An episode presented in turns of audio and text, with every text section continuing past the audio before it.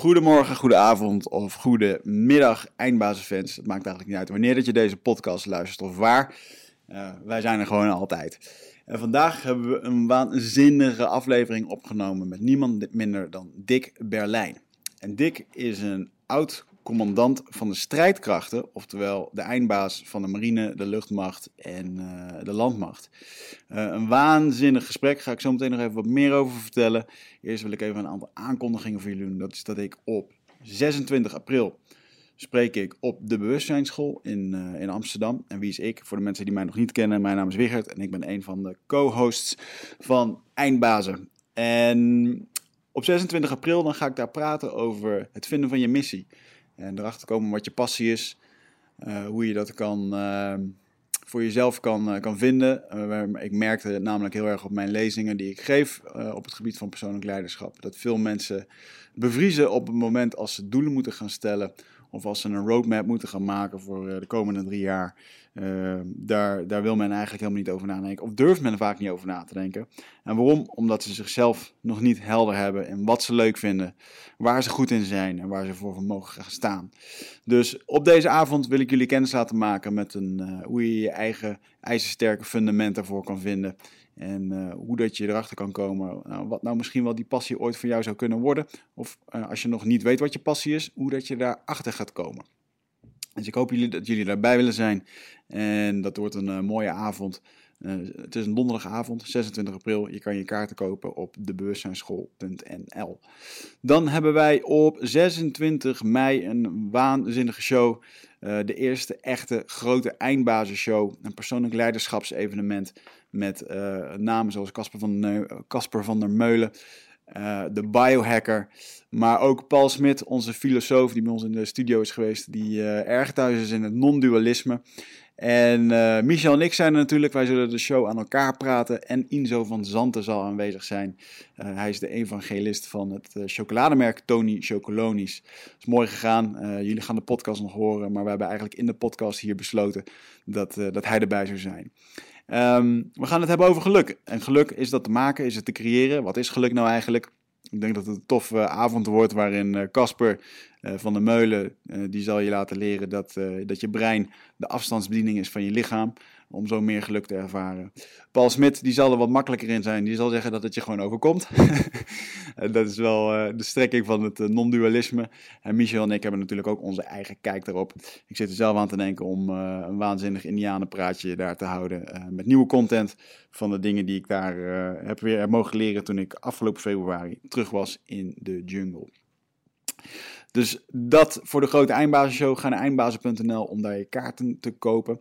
Dan voor de militairen die hier naar luisteren. Dat zullen er best wel wat zijn. Uh, want uh, Dick Berlijn is natuurlijk een oud militair. En um, ik wil eventjes aangeven dat wij onze sponsor van de show, uh, Nutrofit... Daar hebben wij militaire korting. Dus dat is voor militairen die in actieve dienst zijn. Die kunnen daar korting krijgen op supplementen. Uh, op het moment dat jullie even je defensiepas uh, naar ons uh, kunnen sturen, jullie kunnen daarvoor contact met ons opnemen. Er staat ook op Nutrifit een aparte pagina voor met militaire discount. En dan kunnen wij jullie op die manier wat teruggeven voor hetgeen wat jullie voor ons doen. Dan als laatste voor de ondernemers onder ons. wellicht ben je op zoek naar een steuntje in de rug. wij bieden dat via de 12 Wave Masterminds. Dat is een programma. Het begint op 26 april. of 25 april moet ik zeggen. Op 25 april begint dat. En uh, Michel en ik gaan je dan een jaar lang begeleiden samen met tien andere ondernemers. Wellicht uh, loop je nu vast op een stukje financiën of uh, productuitbreiding. Of kom je er tegenaan, loop je er tegenaan dat je jezelf maar een x aantal uur kan verkopen. daar hebben wij ook allemaal tegen aangelopen. En wat wij jullie willen bieden is een jaarprogramma waarbij we acht keer bij elkaar komen. En waar we gaan sparren met meerdere ondernemers over um, hoe we vooruit kunnen. In plaats van stil blijven staan en rondjes blijven draaien uh, achter onze eigen staart aan. En wat de, kracht van deze mastermind is, is dat je bijvoorbeeld een, uh, of een van, de, een van de krachten is de hot seats, waarbij je 20 minuten de tijd krijgt om te vertellen wat jouw uitdagingen zijn voor de komende zes weken. En daar gaan we dan met, uh, met tien ondernemers en ons gaan we daarop schieten. Gaan je allemaal ideeën geven en vooral heel veel vragen stellen, zodat je zelf tot de conclusie komt wat voor jou de juiste stap is voor de meeste effectiviteit en het meeste resultaat in die komende zes weken. En na die zes weken, dan mag je komen verantwoorden waarom het wel of waarom het niet is gelukt. En dat is de kracht van deze mastermind. Ga daarvoor naar 12-wavescom slash masterminds. En dan ga ik jullie nu de podcast laten luisteren met Dick Berlijn. En jongens, Dick is een ware eindbaas. Um, we hebben van alles met deze voormalige uh, luchtmachtpiloot, straaljagerpiloot besproken. Uh, over de veiligheid van ons land, de veiligheid van de wereld. Uh, wat zijn rol was als commandant van de strijdkrachten. Want vergis je niet, jongens, dan ben je gewoon um, best wel een politieke baas ook. Uh, als je het zeggenschap hebt over al die korpsen en uh, speciale eenheden die, ons, uh, die onze defensie rijk is. Um, en wauw, zoals Dick hier zat, echt een, een leider. charismatisch, rustig en vooral heel erg helder in zijn spraak en in, in de visie die hij heeft. En ik denk dat dat hem ook een gewaardeerd persoon maakte op de, op de functie die hij op dat moment had. Dus dames en heren, uh, Dick Berlijn gaat jullie meenemen in een stukje van de strijdkrachten en hoe we leiding geven onder uh, erbarmelijke omstandigheden, waar beslissingen een ontzettend grote impact kunnen hebben op leven en dood. Dames en heren, Dick Berlijn. Eindbazen wordt gesponsord door Nutrofit, de webshop voor natuurlijke voedingssupplementen en trainingsmaterialen die je helpen bij het verkrijgen van Total Human Optimization. Nutrofit is hofleverancier van merken zoals Onnit, Natural Stacks en Bulletproof Coffee. Probeer onze producten zonder risico door onze money back guarantee. Bezoek ons op www.nutrifit.nl. Bestel je voor 9 uur s avonds, dan zorgen wij dat jouw bestelling de volgende dag geleverd wordt.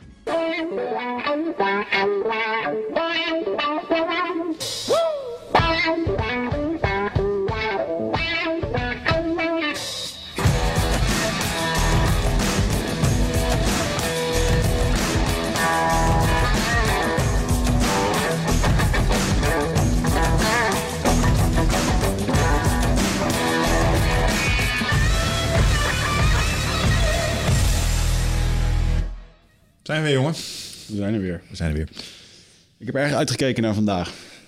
Dit zijn uh, de gasten waar we het volgens mij helemaal aan het begin voor deden. Weet ja. je nog dat we aan het begin aan het fantaseren waren over... wat zou toch vet zijn als je straks mensen van een bepaald niveau... in je ja. studio mag ontvangen. De eerste die, mij, uh, uh, die toen op ons vizier kwam was meneer Karremans. Weet ik nog, ja. Maar die, werd toch, die kwam op dat moment weer onwijs in de media... of tenminste de hele zaak van Sabretia kwam toen weer helemaal in het in de media, waardoor het gewoon... Volgens mij is het toen letterlijk geantwoord dat het gewoon niet verstandig was om nu in de mm. media te komen. Mm-hmm. Of dat er geen behoefte was om dat te doen. En uh, uh, toen hebben we kolonel Swillens gehad. Um, commandant van de Korps Commandotroepen. Mm-hmm. En ik verbaas me erover hoe waanzinnig uh, populair dat het is. Mede waarschijnlijk ook door de, um, de televisieserie van Onze Jongens. Ja. dat was ook de reden waarom ik dacht mm. van wow, dit is, dit is gaaf. Ja, weet je, je moet er wel wat mee.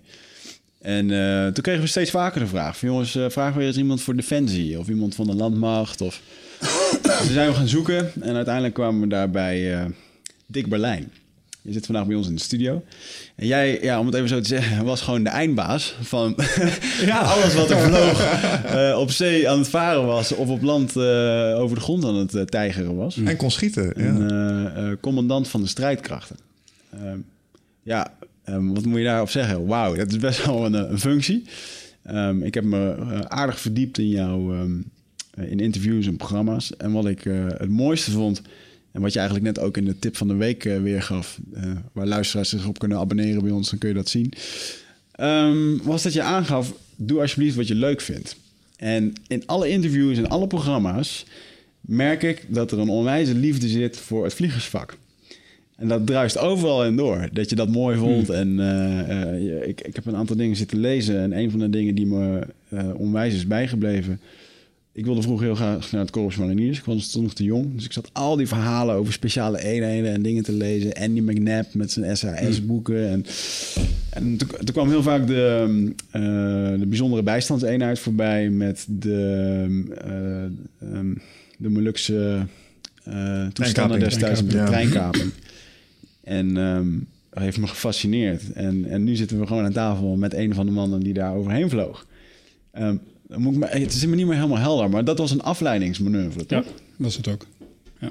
Voordat ik trouwens daar verder ga, eh, toch één ding over eindbaas. Eh, als commandant der strijdkrachten ben je weliswaar commandant van de strijdkrachten, maar je bent niet de eindbaas. De eindbaas is natuurlijk de minister van Defensie en zijn eindbaas is eh, het parlement. Dus in die zin hebben we allemaal altijd weer iemand eh, nog hoger eh, die het uiteindelijk voor het zeggen heeft. Maar Ons doel is vraag. ook eh, koning Willem-Alexander. De Dus ultieme jij- jij bent- Nederlandse ja, eindbaas. ja, Ja. maar, maar zelfs, zelfs de koning in ons land, in onze parlementaire democratie, heeft ook een baas. En dat, en, en dat is goed om te beseffen. Je bent soms allemaal baas en je bent soms allemaal eh, eh, iemand die leiding ook ontvangt. En Ja. ik denk dat, je dat, dat het goed is om dat je altijd te realiseren dat je in een groter geheel functioneert. Maar terug naar jouw punt, eh, letterlijk, de punt, eh, 1977. Ik vloog er overheen met vijf andere collega's, zes starfighters in zijn totaliteit. Want wat was er het geval? De rechtsorde werd in Nederland op grove manier geschaad. Er werden mensen gegijzeld in een trein. Eh, eerder in 75 bij Wijster hadden we ook gezien... waar eh, mensen toe in staat waren. Toen werden er standrechtelijk mensen geëxecuteerd. Eh, de regering besloot toen om daar een einde aan te maken in 77 aan die kaping van de trein.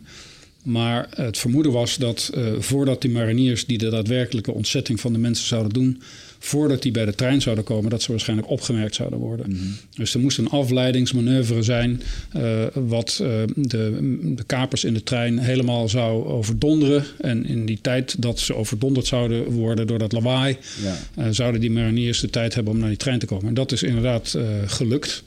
We hebben het ook getraind op Gilserijen een week daarvoor. Toen is er ook een trein op de vliegbasis gereden. Dat kon omdat daar ook nog een spoor lag. Zodat we toch in een beetje eh, eh, eh, niet al te veel aandacht die dat konden beoefenen. Mensen zaten ook in die trein om dat te kijken wat het zou het effect zijn van het lawaai.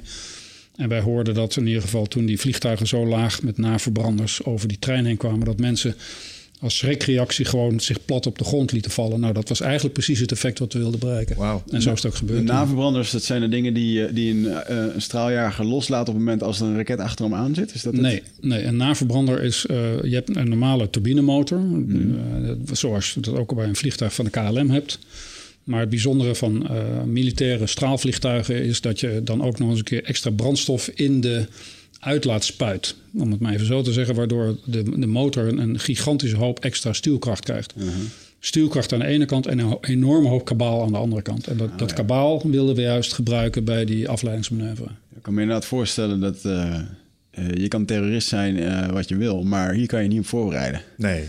Dat is het. Het is overweldigend. Ja. Ik denk dat wij ons geen voorstelling kunnen maken van hoe ongelooflijk luidruchtig en intimiderend dat is.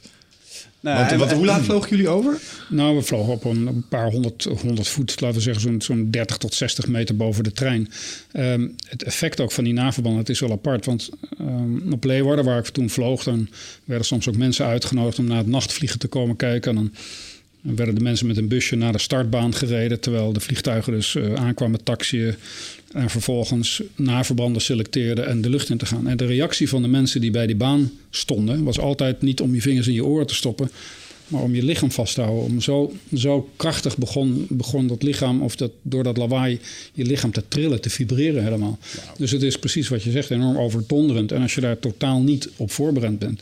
Sterker nog, het is eh, vijf uur in de ochtend of zo. Je komt, zijn net wakker en, en op dat moment vergaat de wereld. Ja. Ja, dan heb je precies de reactie die we nodig. Volgens mij was het ook nog. Het was redelijk heldere maan, volle maan. Daardoor zouden eenheden kunnen gespot kunnen worden s'nachts. En daarom werd het gedaan in de ochtend. eh, Het werd er bij het krieken van de dag, om het zo maar te zeggen, werd het gedaan. Ja. Ja, het komt nu in één keer terug. En, Wat een machines zijn die straaljagers ook. Ik zag laatst een filmpje op het internet van zo'n piloot die op nog best wel redelijk hoge afstand over een strand heen vloog. Waarschijnlijk om ook eh, met een soort knipoog of zo. Maar dan zie je, zeg maar, echt, dan zie je mensen kijken. En like, vijf, zes seconden later, ineens pff, allemaal van die stoeltjes en van die parasollen die eh, het hele Ja. strand overgingen. Eh, en dat was nog best wel hoog. Dat je denkt, nou, dat valt wel mee. Moet je nagaan als je op die hoogtes gaat rondvliegen. wat jullie hebben gedaan. Ja, het effect op de grond is heel goed eh, Ja, voelbaar, stel ik me zo We voor. hadden het hier van tevoren nog even over. Ik heb wel eens een keer een filmpje gezien van ehm, de, is dat de, de, de, de, de ringbaan in Duitsland. Dat is de langste rechte weg waar Volkswagen zijn, eh, ja. zijn dingen op test. En daar heb ik een keer een programma van gezien dat een jongen die gaat daar, kan je op YouTube wel vinden, die gaat daar met een Bugatti Veyron overheen. En ik geloof dat het ding 360 km per uur gaat. En op een gegeven moment zegt hij ook gewoon, als hij dat aantikt, dan zegt hij, joh, de wereld, het gaat gewoon zo langs je voorbij. En toen zat ik me in te lezen en uh, jullie gaan met straaljagers 10 meter boven de grond met 900 km per uur. Dat is drie keer zo hard als dat. Ja, dat, dat, dat gaat nergens het, over. het, het, het is ook een, een, een, wereld waarin je, waarin je werkt, vliegt, waar de marges ook heel klein zijn. En, en ehm, waarbij je kunt voorstellen, als je op die hoogte met die snelheden vliegt, dat er is er heel, heel weinig ruimte voor fouten. Ehm, je kunt mensen alleen blootstellen aan dat soort omgevingen als je ze ook heel goed opleidt, heel goed traint. Eh, dat maakt defensie ook duur. Eh, eh, er wordt gevlogen elke dag, niet omdat we het leuk vinden. Ja, we vinden het leuk, het is een prachtig vak. Maar je moet dat ook doen om je, je vaardigheden te onderhouden. Ik heb het vaak vergeleken met een concertpianist. Als je wil dat een concertpianist een geweldig goed concert geeft, dan zeg je ook niet van nou eh, neem een half jaar vakantie en na dat half jaar dan moet je meteen alles perfect afspelen. Nee, dat moet je onderhouden en je wordt beter en je wordt eh, vlugger en je, je gaat bijzondere dingen ontdekken. En dat geldt eigenlijk ook voor, voor de jachtvliegers. Eh, eigenlijk ook voor een chirurg die moet, die moet opereren in een, in, een, in een operatiekamer. Die moet het ook onderhouden. Eh, en ja, dat maakt dat, dat die, die eh, defensie-inspanning eh, ook heel kostbaar. Ja. Wat zijn in dat opzicht eh, dingen die een jachtvlieger echt goed moet kunnen? Wat maakt een, wat maakt een, geweldig jachtvlieger in uw optiek? Een geweldig jachtvlieger is vooral een vlieger die overzicht houdt. Eh, want je, nogmaals, je leeft in een omgeving waarbij niet alleen eh, je moet zorgen dat jouw vliegtuig veilig in de lucht blijft. Dat je niet tegen de grond vliegt, dat je niet tegen anderen opvliegt. Maar je moet ook eh, informatie heel snel tot je kunnen nemen. Informatie die je hoort eh, over de radio, van je radar, van je computersystemen die je aan boord hebt. Radar waarschuwingsapparatuur, dat is inderdaad waar je het eerder over had. Als een raket op je afkomt, dan word je gewaarschuwd door een ap- apart ding. Al die informatie moet je heel snel kunnen verwerken. En dat ook nog eens een keer in een omgeving waarbij er anderen rondvliegen die jou uit de lucht willen schieten. Dus dan komt ook hele eh, tactisch overzicht. eh, het, hoe, hoe stuur ik mijn formatieleden aan om, om, om de wedstrijd te winnen, om zo maar te zeggen. Nou, die hele grote complexe wereld, die enorm snel verandert, die inherent eh, gevaarlijk is, zodat je, ja, de adrenaline is hoog. Als je uit de cockpit komt, dan zijn mensen vaak doorweekt van het zweet, omdat het zo inspannend is, lichamelijk zwaar. Om in zo'n situatie het overzicht te houden, eh, de juiste analyses te kunnen blijven maken, het onderscheid kunnen maken tussen de hoofdzaken en de bijzaken. Wat is de hoogste dreiging? Kan ik hier doorgaan of moet ik nou zelf aborten? Moet ik nu zelf eh, zorgen dat ik het gevecht uitkomt? Dat maakt een, eh, een gevechtsvlieger heel goed. En als je dat goed kunt, dan, dan zul je ook zien dat je binnen jouw eenheid, binnen dat squadron, wordt het ook gewaardeerd. Want dan, dan zijn dat, laat ik het maar zo zeggen, hè, de, de mensen waarmee je graag het gevecht in wil gaan. Want Ja, dat zijn de beste natuurlijk. die, die houden het overzicht. En wij noemden dat in ons jargon eh, iemand met veel SA. SA stond voor Situational Awareness. Dus het overzicht blijven houden in complexe situaties. En wat ik het bijzondere vond. eh, voor het interview spraken we even van, nou, wat, wat, wat, wat heb je misschien daarvan geleerd? Dat ik vooral heb gemerkt dat dat behoud van overzicht in complexe, snel veranderende situaties is niet alleen van belang als je bij de luchtmacht vliegt in een F-16 of als je ehm, een infanterist bent eh, in Oeruzgan als de kogels om je oren vliegen. Het is natuurlijk net zo goed van belang in het bedrijfsleven, in, in de civiele wereld, waarbij je ook in een, als lid van een eh, raad van bestuur in een organisatie de baas bent. Waarbij ineens er geweldig veel dingen gebeuren, waarbij het chaotisch wordt, waarbij je af van verrek, heb ik het overzicht nog wel, maak ik nog de juiste analyses. Dat is net zo goed daarvan belang, dat begrip situational awareness. En als je, dat, als je dat heel goed kan, dan krijg je de bijnaam Quickie. Nou, dat heeft een andere reden.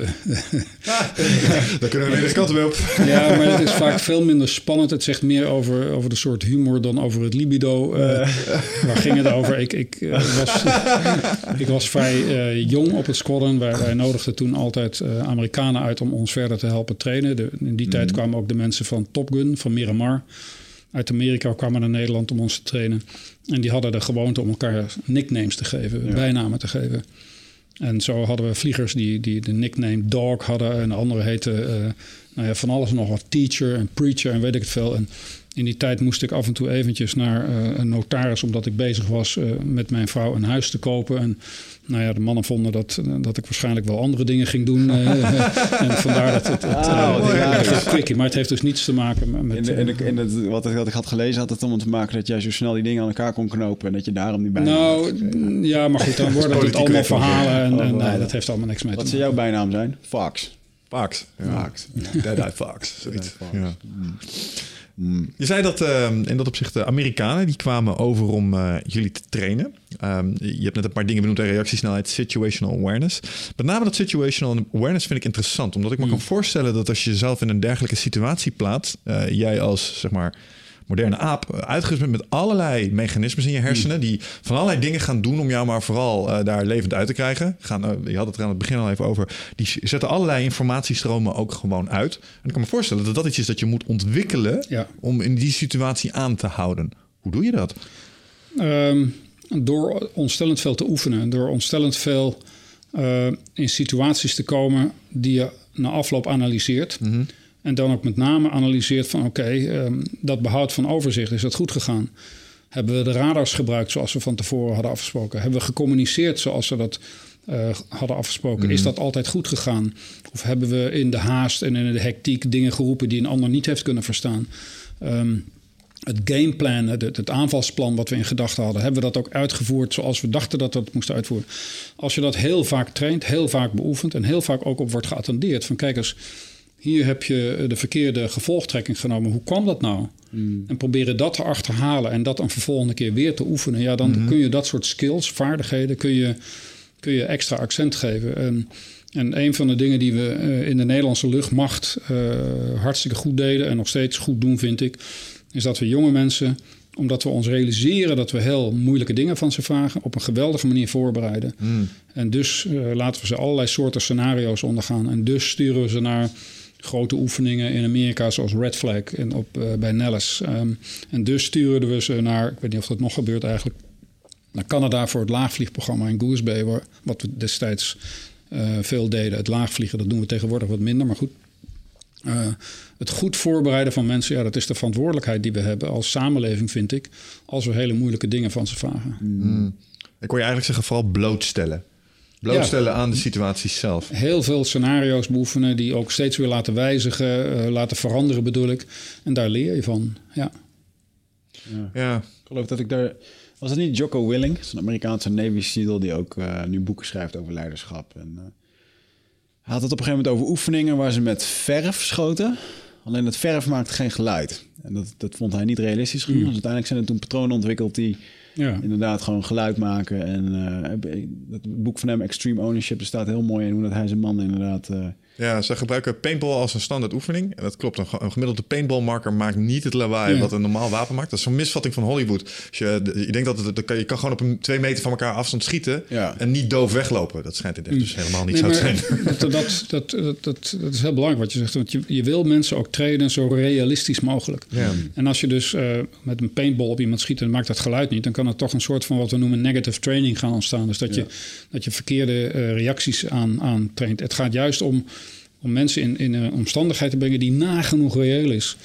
Uh, als wij onze soldaten trainen om naar Oeruzgan te gaan, of überhaupt in een trainingsprogramma, wordt er ook met scherp geschoten. Um, uh, niet op elkaar, dat zou te kostbaar zijn natuurlijk uh, en helemaal niet wenselijk om in trainingssituaties dat soort risico's te lopen. Maar we, maar we blijven er net onder, hè, maar we schieten wel met scherp, zodat de mensen ook leren met die stress om te gaan. Want het is enorm stressverhogend. En wat je niet wil, is dat de eerste keer dat mensen in, in het echt in zo'n situatie komen, in paniek raken, omdat ze nog nooit de whiz van een kogel hebben gehoord. Ik noem het maar even zo. Mm. inderdaad. Ja.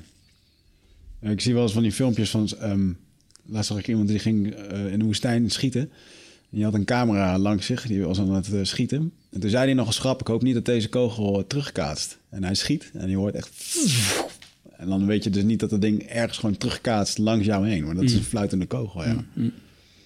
Bizar. Ja, dat is een soort stress wat ik... eh, nou, ik heb wel eens gepaintballed en er zijn ook wel eens balletjes langs mijn hoofd heen gegaan. Maar dan zit je toch nog altijd met de wetenschap. Als je me raakt, doet het zeer, maar, Maar het is ik niet ga het niet einde. in dood. ja. Ja, ja. Ik, Dat- paintball heeft mij ook geleerd dat ik in een oorlogssituatie waarschijnlijk echt heel snel gewoon Ja. terug naar dat huis is een heel belangrijk iets dat je moet realiseren. We noemen dat eh, de pucker factor. En wat is de pucker factor? Dat is als je in het echt komt, dan zijn er toch altijd weer extra dingen die het extra spannend maakt. Omdat je dan weet dat je wel het leven kan laten. Ja, Vandaar dat eh, als we het over simulatoren hebben, en de, de, de luchtvaart die maakt, eh, en, en luchtmachten maken grootschalig gebruik van simulatoren. Dat is hartstikke goed. En die moeten ook zo reëel mogelijk zijn, zodat je mensen de juiste vaardigheden aanleert. Maar toch is dat altijd een omgeving waar je niet echt doodgaat. Ehm, en, en vandaar dat, dat de, eh, het gebruik van simulatoren, ja, dat moet je vooral doen, omdat je scenario's kunt trainen die in werkelijkheid te risicovol zouden zijn. Maar je moet het altijd complementeren, altijd aanvullen, toch met het echte vliegen. Omdat dat mensen zelfvertrouwen geeft. En zelfvertrouwen is een van de belangrijke factoren voor het creëren van succes. Hè. Ja. Dat, eh, niet alleen opleiden, niet alleen training, maar vooral ook zelfvertrouwen. Als, als, als je niet in staat bent mensen ook dat zelfvertrouwen te geven, ja, dan, dan heb je toch niet alles gedaan om mensen optimaal voor te bereiden. snap ik. In het kader van het optimaal voorbereiden, iets eh, wat ik me daar altijd bij heb op, afgevraagd, en ik weet niet of het mogelijk is. Een van de dingen die ik mij herinner, ik heb ook vaak naar de Jocko Willing podcast geluisterd en dan lezen ze boeken van veteranen en die beschrijven dan voorgaande oorlogen. Ja.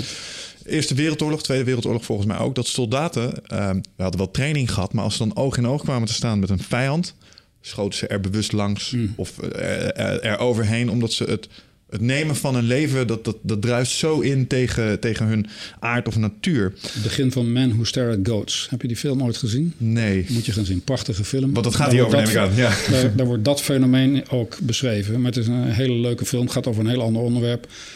Eh, maar, maar kan ik je aanraden. Dat laat dit ook zien. Precies wat je zegt. Ja, en, en mijn vraag dan is in, in termen van training, want als defensie probeer je natuurlijk je, me- je mannen op te leiden zodat ze wel tot actie overgaan. Hoe train je? Wat vaardigheden kan ik me van alles bij voorstellen, maar is dit te trainen en eh, besteden jullie daar aandacht aan? Ja, daar wordt aandacht aan besteed. In, in de zin dat er... eh, we onderkennen het. Eh, en moet ook een bepaalde... je moet ook een bepaalde hardheid kunnen, kunnen tonen op het juiste moment. Niet op het verkeerde moment, maar op het juiste moment. En in de training wordt er aandacht aan besteed. Er wordt ook over gesproken. Ehm, maar door het oefenen willen we ook zien of mensen niet bij het minste of geringste omvallen van de stress. Of, of eh, eh, op een gegeven moment eh, beginnen te huilen. Ik noem maar eens wat. Dus, dus het character building, het, het bouwen van, van karakter. Het een beetje op je lip leren bijten. Op een gegeven moment haast zou ik zeggen over jezelf heen kunnen stappen. Eh, ja, dat, dat is een onderdeel van die training. Ehm, eh, uiteindelijk weet je het nooit helemaal zeker. Uiteindelijk weet je nooit helemaal zeker wat iemand of die in staat is om op dat moment ook inderdaad het leven van een ander te nemen. Want dat, dat is niet niks. Dat beseffen soldaten heel goed. Nou, dat is dus ook een beetje mijn ding. Want alle oorlogsfilms en dat soort dingen, ten spijt weet ik ook dat het beeld wat eh, wordt, ge- eh, wordt neergezet van, van actiefilms en dat soort dingen. Het is verschrikkelijk overgeromantiseerd. Ja. En, en iedere soldaat die daarover hoort, die zegt... ja, zo dacht ik ook over totdat het echt begon. En eh, nu liever nooit meer. Wat denk jij? Stel je samen in een oorlogssituatie heb jij dat in je? Ik twijfel er namelijk heel erg aan bij mezelf. Ik weet niet of ik het ik, denk, ik heb daar wel eens een mooie eh, serie over gezien over hoe soldaten veranderen op het moment als ze helemaal in dat gebied zitten. Want je gaat erheen met een, je weet het allemaal niet en ehm, je vecht tegen een ideologie die helemaal anders is dan jou. Je moet er heel erg bewust van zijn dat, eh, we hebben het hier vaker over gehad, hè, dat is, een, er is een keer een piloot in brand gestoken. ja, ja, ja. Eh, een goed voorbeeld wat we toen bespraken is dat voor hun is dat een heldendaad, voor ons is het verschrikkelijk. Maar als wij zo iemand zouden eh, vangen, dan wordt hij ook onderhanden genomen door een, onder, door een eh, ondervragingsmanier, wat waarschijnlijk niet vriendelijk gaat, et cetera. Dan is het wel goed. Dus, dus daar zitten wat verschillen in. Maar ik denk uiteindelijk als je zo... ehm, dan kijk ik naar de film Black Hawk Down. En dat vond ik best wel intens over gevechten in Somalië. Daar zitten ook gewoon gasten bij die bij de Rangers zaten... en die echt zaten te huilen van... oh, eh, wat gebeurt er allemaal? En op een gegeven moment zie je drie van je maten omkomen. Ik denk dat, dat je op een gegeven moment... eh er bestaat de wereld die hier is, die bestaat niet meer niet zolang je daar bent. Nou, en er is een ander iets wat, wat van belang is. Dat, dat, ehm, bij Defensie, maar laten we zeggen bij grondeenheden... of het nou mariniers, of het nou eh, special forces van de landmacht... of, of infanteristen zijn, eh, grondsoldaten zijn... Wat, waar in de training heel nadrukkelijk, of waar de nadruk op wordt gelegd... is, is, het, is het, eh, het beschermen van elkaar. ja. Eh, je team, je inzetten voor je team. En het zal het zal potverdorie niet aan mij liggen dat jij uh, doodgeschoten wordt door, door, door de vijand. Ik, Dan pak ik die vijand omdat ik jou wil beschermen. Dus er is een hele sterke groepsdynamiek uh, is er aanwezig. Uh, daar wordt ook bewust op getraind. in je eentje ben je niks, maar als effectieve groep kun je de wereld aan. Ja. en dat heeft hele prachtige dingen. Zo'n groep zie je boven zichzelf uitsterken, wordt effectief, wordt ook gedisciplineerd. Uh, doet de goede dingen. Mm Er zitten ook gevaren aan. Waarbij, waardoor je de, de negatieve kanten van groepsdynamiek ziet. Uh, uh, pesten, uitsluiting, illegale ontgroeningspraktijken. Ik noem maar eens wat, en alles wat daarmee te maken heeft. En dat betekent dat die groepsdynamiek die is heel belangrijk. Dat, dat, daar moeten commandanten zich ook van bewust zijn. En die moeten dat ook binnen de juiste banen houden. Die moet je zo weten te vormen dat het het goede doet. Mm -hmm. En dat mensen daardoor, of een groep daardoor ook voorspelbaar wordt.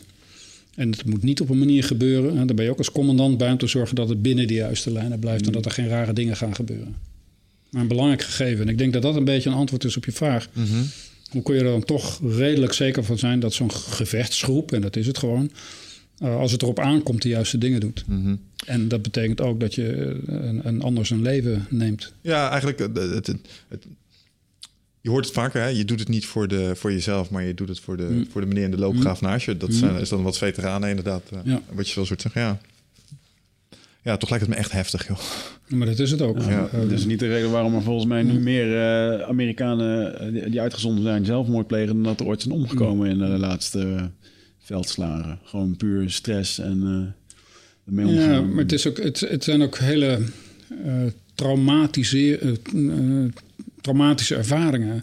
En als je een traumatische ervaring opdoet, denk ik, en of het nou in, in, in Afghanistan of Irak is, omdat naast je uh, je vriendje overleden is, of dat er iets anders verschrikkelijk is gebeurd, of, of het is een verschrikkelijk verkeersongeluk wat je hebt meegemaakt, waar mensen altijd behoefte aan hebben, is om over die traumatische ervaring te kunnen spreken. Ze willen, ze willen dat de omgeving waar ze dan in verkeren, dat erkent of, of, of herkent een van de fouten die we in het verleden hebben gemaakt bij Defensie was dat als mensen uitgezonden werden, uh, dan kwamen ze terug, werden nauwelijks gedebriefd, werden hup, meteen weer aan het werk gezet in Nederland, zonder dat ze de gelegenheid kregen om over die traumatische ervaringen te spreken. En dan gingen er allerlei dingen verkeerd. Mhm. Mensen begonnen thuis de boel in elkaar te slaan, of nog, nog erger. Um, dat hebben we goed begrepen. En als we dus nu mensen uitsturen, uitzenden, dan vindt er een heel intensief uh, debriefingsproces graag. Uh, vindt er plaats eerst in de eigen groep. Vervolgens ook op een locatie ergens buiten Nederland, maar ook buiten het inzendgebied. Daar wordt intensief met elkaar gesproken en vaak ook is daar een psycholoog bij. En vervolgens komt men pas naar huis. En dan is er nog de gelegenheid om over de zoveel tijd om over je ervaringen te spreken. Want mm. ja, dat doet, het doet heel veel met mensen. Ja, ik heb iemand uh, in mijn omgeving gehad uh, destijds nog vanuit de vechtsport. Die had ook uh, bij de BBE gezeten. Die was uitgezonden geweest naar Irak en Afghanistan. Ook betrokken geweest bij verhoor, wat je zelf ook al zei. En die, die hebben ze op een gegeven moment ook... Die had een soort flashback en die lag op een gegeven moment in zijn eigen achtertuin... met zijn mes in de grond steken. Die was op zoek naar landmijnen of zo, mm. weet je wel. Die had helemaal een psychose gekregen. Oh, wow. Ja, en dat zat hem met name daar een beetje in. En als je hem dan achteraf, als hij weer daar een beetje over bevoeg daar zat een soort stigma op. Hij voelde zich ongemakkelijk om daarover te praten. En ik heb altijd gevoel gehad, ja, hij wil zich niet kwetsbaar opstellen, want dat is ook een beetje een macho. En dat is wel iets wat ik me kan voorstellen binnen Defensie. Dat het ook moeilijk is om je daar kwetsbaar in op te stellen. Want het is natuurlijk van, van nature uit een hele ja. testosteron gedreven organisatie. Dat is ook zo. En ik, een heel belangrijk onderwerp wat je aansnijdt. Want Um, ja, het, is een, het, het, het, het, moet ook een beetje macho zijn. Want je moet mhm. ook, als iemand tegen je aan duwt, moet je niet meteen beginnen te huilen. Moet je ook zeggen, potverdikke, wat is het nou? Je moet ook een beetje mm. tegen een stootje kunnen. Dat betekent ook dat het een beetje macho is. Mhm. uh, aan de andere kant, als zo'n groep volwassen is... dan weten ze ook dat, op tijd, uh, dat er een plaats en tijd moet zijn... waarbij je even... Uh, toch helemaal je kan laten gaan. Om vervolgens je weer te hernemen en dan weer je werk te kunnen doen. Ehm, en of dat nou gebeurt doordat mensen verschrikkelijk uh, even een enorme harde borrel drinken met elkaar. Of ik weet nog dat wij, in, toen we vlogen, hadden we de rare gewoonte om af en toe een piano in de fik te steken. Nou, dat is dan tegenwoordig vandalisme. Maar in, in de beslotenheid, om in de beslotenheid van dat squadden, ja. was dat een manier om je spanningen kwijt te raken. Nee, ik snap. Om, om, ja. en, en maar wat vind ik tegelijkertijd daarvan? Dat zijn dingen die je binnen zo'n eenheid moet houden. Ja. Als je dat gaat uitventileren, als je, als je dingen als je de, van buiten naar binnen laat kijken en zegt: wat gebeurt er allemaal? Het is allemaal politiek niet correct. Nee, dat klopt, maar het is wel een manier om, om eventjes eh, eh, het uit je systeem te krijgen. en, en nogmaals, dat, dat, ik, ik, ik pleit daar helemaal niet mee voor allerlei excessief gedrag. Maar ik begrijp wel dat het gebeurt en je moet het een goede plaats geven en je moet het ook op tijd weer kunnen hernemen. Ja, het klinkt als afreageren en ik denk dat dat eh, een belangrijke uitlaatklep is. Ik heb in dat opzicht wel een, ehm, een vraag ehm, over eh, de Europese Unie en eh, als je het nou hebt over macho-cultuur. Een van de plaatjes die mij de laatste keer ongelooflijk aan het lachen heeft gemaakt, maar eigenlijk wel een beetje ook tegelijkertijd bitter, was een foto het, het, het, is duidelijk, Rusland en uh, het Westen zijn een beetje op gespannen voet met elkaar. En toen lieten ze een foto zien van de ministers van Defensie van de Europese Unie. Dat waren vijf vrouwen. Die zaten Ja. gezellig keuvelen met een kopje Ja, thee. ja. En toen lieten ze de generaal van Rusland zien. Dat was echt typisch zo militair zoals je dat verwacht. En dan vraag je af, oké, als het nou oorlog zou worden... wie van deze twee groepen zou het dan gaan redden? Snap je? En ik denk dat ehm, als het echt om oorlog gaat... eh, dat is heel gritty en daar moet dat wat die generaal vertegenwoordigt, is een bepaalde houding, een bepaalde cultuur en een bepaalde hardheid die denk ik voor oorlog nodig is. Zit daar een bepaalde tendens in eh, in het Westen dat het misschien allemaal iets softer wordt en zo? En is dat iets wat verstandig is? Ja, maar het is een heel, een heel eh, goed onderwerp. Want je moet je afvragen, wat is de rol van de minister? Is de minister de aanvoerder van het leger en, en moet hij hard zijn? Of is de rol van de minister in onze parlementaire democratie zorgen dat eh, het, het, het defensiebeleid goed begrepen wordt door de Kamer en dat er eh, in de Kamer draagvlak is voor een bepaald budget? Mijn stelling is het laatste. Dus dat moet een, eh, een, politicus in onze parlementaire democratie moet het goed kunnen doen. En of dat nou een man of een vrouw is, dat maakt helemaal niets uit. Je moet een goede minister hebben die die rol goed kan spelen. Een minister die overtuigend kan zijn naar het parlement, die, eh, die eh, heel goed defensie begrijpt en de belangen van defensie goed weet te verwoorden in, in defensiebeleid dat uitgevoerd kan worden. Eh, in Rusland heb je een ander systeem. Daar is, daar is geen sprake van een parle- parlementaire democratie. De Duma stelt daar niks voor. Is zeker niet de countervailing power die wij in Nederland kennen met het parlement. En daar is het te gebruik om vaak nog inderdaad een, een militair minister van Defensie te maken. Ehm, dus die twee kan je eigenlijk niet vergelijken. Stel dat wij in Nederland eh, als lid van de NAVO, als lid van de Europese familie ook, met onze Noord-Amerikaanse partners, besluiten om de oorlog in te gaan, dan is er een politiek proces aan vooraf gegaan. En dan op het moment dat we zeggen ja, we gaan het doen, wordt het aan een militair gegeven. De, de, de, de operationele commandant, de Supreme Allied Commander in Europa bijvoorbeeld. De hoogste Amerikaanse vier-sterren generaal. En dat is gewoon een stevige generaal. En die alle dingen zal moeten doen om een oorlog te winnen. Dat is een equivalent van, onze, van de meneer bij de Russen. Die gewoon- Ja, zo zou je het kunnen zeggen. Dus Ja. ik vind dat het belangrijk is dat je dat onderscheid maakt. Ik heb geen enkel probleem, maar ook geen enkel probleem met een vrouwelijke, vrouwelijke minister, of wie dan ook, als ze maar een goede politicus is. Of Ja. politica in dit geval is. Nou, en de, de, de- de- het antwoord op mijn vraag ligt hem in het stukje niet begrijpen hoe dat stukje dan werkt. Ehm, maar weet je, als je dat zo naast elkaar zet en je denkt, jeetje, als dit tot knokken komt, weet je wel, op wie zou je je geld zetten? Maar daar gaan een paar processen aan vooraf, dat snap ik wel. Maar is het desondanks ehm, realistisch om te zeggen dat, eh, dat als je naar het Westen kijkt, dat eh, die hardheid, ehm, dat dat afneemt, afbrokkelt ten opzichte van mensen waar we nu mee te maken hebben in het veld? Of is dat dan onterecht? Ik denk dat, dat wij voldoende hebben laten zien dat onze, onze legers in het Westen, om het zo maar te zeggen, als het erop aankomt, prima hun mannetje kunnen staan. Er is ook vaak van Nederlandse soldaten gezegd dat we niet de, de, de spirit zouden hebben om echt te knokken. Nou, we hebben voldoende laten zien dat, dat we dat absoluut wel kunnen Ja. en ook doen als het nodig is. Je moet je afvragen of de uitdagingen waarvoor we eh, ons eh, gesteld zien, of die altijd vragen om kracht. Ehm, we hebben ook in Afghanistan, in Oeruzgan destijds, hebben we gezegd van kijk eens, de, de, de situatie waarom, waarin we ons hier bevinden, de taak die we krijgen, is helemaal niet een taak die we kunnen bereiken door alleen maar met bommen en granaten te gaan gooien. Dit is het- deze taak die we hier krijgen vraagt ook om het winnen van vertrouwen. Vraagt om tegemoetkomen aan de noden van de bevolking. Eh, zor- eh, eh, vraagt ook om dat je het, het, legitieme gezag in, in, in Afghanistan zelf helpt versterken, zodat ze zelf de verantwoordelijkheid voor de veiligheid kunnen nemen. Dus het wil helemaal niet altijd zeggen dat je hamer en, en een spijker nodig hebt. Soms heb je ook andere instrumenten nodig. Diploma, diplomatie, effectieve diplomatie, eh, economische eh, eh, middelen. Uh, dat vind ik ook het, het, het, het, um, we zeggen, het minder gelukkige, ik zeg het wat uh, voorzichtig, van wat er nou in Amerika gebeurt. Waarbij eigenlijk de, diplomatie, de diplomatieke kracht van Amerika behoorlijk uitgehold wordt. Mm -hmm. uh, dat is juist ook een van de instrumenten die je nodig hebt, zodat het niet tot gewapend conflict komt. Dus je moet dat meer genuanceerd zien. Het gaat niet altijd om bommen en granaten. Je hebt nee. ook vaak hele andere middelen nodig die soms veel effectiever zijn dan die bommen en granaten in bepaalde fases van een conflict of een confrontatie. Ja, I agree. Maar, maar desondanks kom je wel met een groep gewapende mannen kom je een, kom je een land. Hm? Binnen natuurlijk, hm. dus daar, daar gaat altijd wel een bepaalde dreiging uh, van uit. En de, de, in het verlengde daarvan heb ik eigenlijk ook een vraag als het gaat om iets wat Amerikanen uh, graag zeggen, we're fighting for your freedom. Weet je wel? Mm -hmm. dan, sturen veteranen die komen terug. Ja, we hebben voor je vrijheid gevochten in Afghanistan. En ik, ik snap dat ze dat zo geloven, maar misschien kun jij als militair mij eens helpen met uitleggen waarom dat ook echt waar is. Want het voelt raar als je zegt, we gaan nu uh, ja. 16 uur vliegen, gaan we naar de andere kant van de wereld. Maar daar heb jij voordeel van, vriend. Ja. Kun je me daar eens mee helpen? Ja, dat kan ik zeker. Het, het, heeft alles dus ook te maken met um, de, de, de uitdaging die wij in Nederland hadden om aan onze samenleving uit te leggen waarom Nederland in godsnaam in Afghanistan moest zijn. Mm -hmm. um, en het is aan onze politiek om dat aan die samenleving uit te leggen. We zijn daar in Nederland niet altijd even goed in geslaagd, zeg ik heel voorzichtig. Um, waarom vind ik dat wij als klein, maar heel rijk land uh, uh, ook onze verantwoordelijkheid moeten nemen? Uh, en er zijn een aantal zaken voor aan te dagen. Ik denk in de eerste plaats, als wij echt serieus zijn over onze principes. Principes die te maken hebben met het overeind houden van de internationale rechtsorde.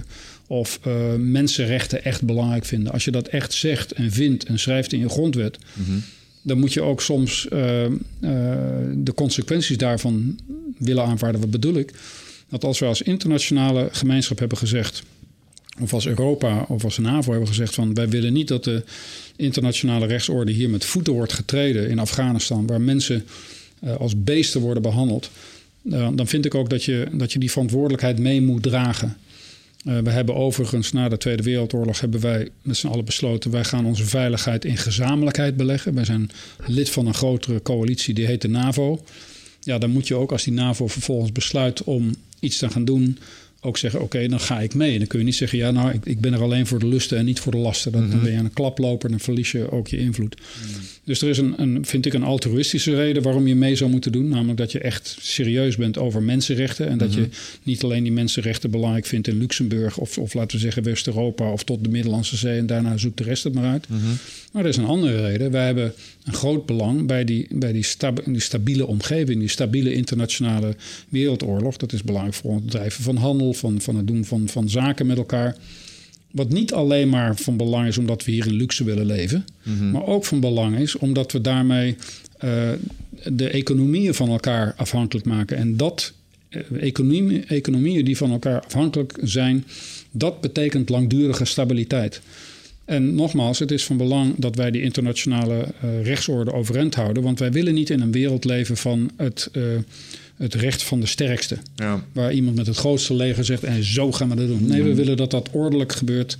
Die internationale rechtsorde vinden we belangrijk. En daarom is het ook van belang dat we daaraan bijdragen om die overeind te houden. Mm -hmm. En als laatste, nog een keer, een hele platte, is dat als wij zien dat er in Afghanistan trainingskampen zijn, waren, nu af en toe nog steeds zijn. Mm -hmm waar terroristen worden getraind of mensen worden geradicaliseerd en dan hier in West-Europa worden uitgezet om, om ellende aan te richten. Ja, dan heb ik drie goede redenen waarvan, waarom ik vind dat wij daar ook uh, uh, aan dit soort missies mee moeten doen. Ja, ja en ik vind dat dat.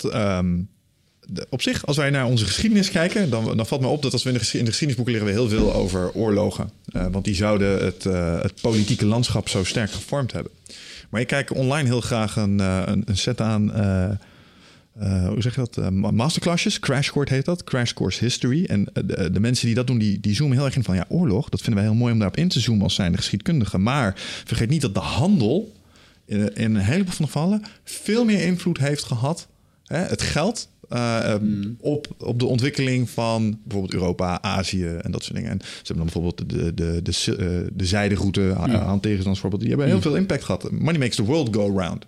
Alleen wij als mensen, we vinden het, uh, ja, ik weet niet, wij romantiseren die veldslagen en generaals en yeah. de veroveringen en zo. Ik weet niet zo goed waarom dat is. Het hoort misschien een beetje bij de cultuur. Maar wat zij dus heel duidelijk aangeven is dat de drijvende kracht van economieën, dus het, inderdaad die stabiliteit introduceren om een economie van de grond te krijgen, is vaak, dat is de de doorslaggevende factor voor stabiliteit en ontwikkeling en groei. Ja, maar ook een beetje andersom. Hè? In die zin dat, kijk, neem Europa, West-Europa.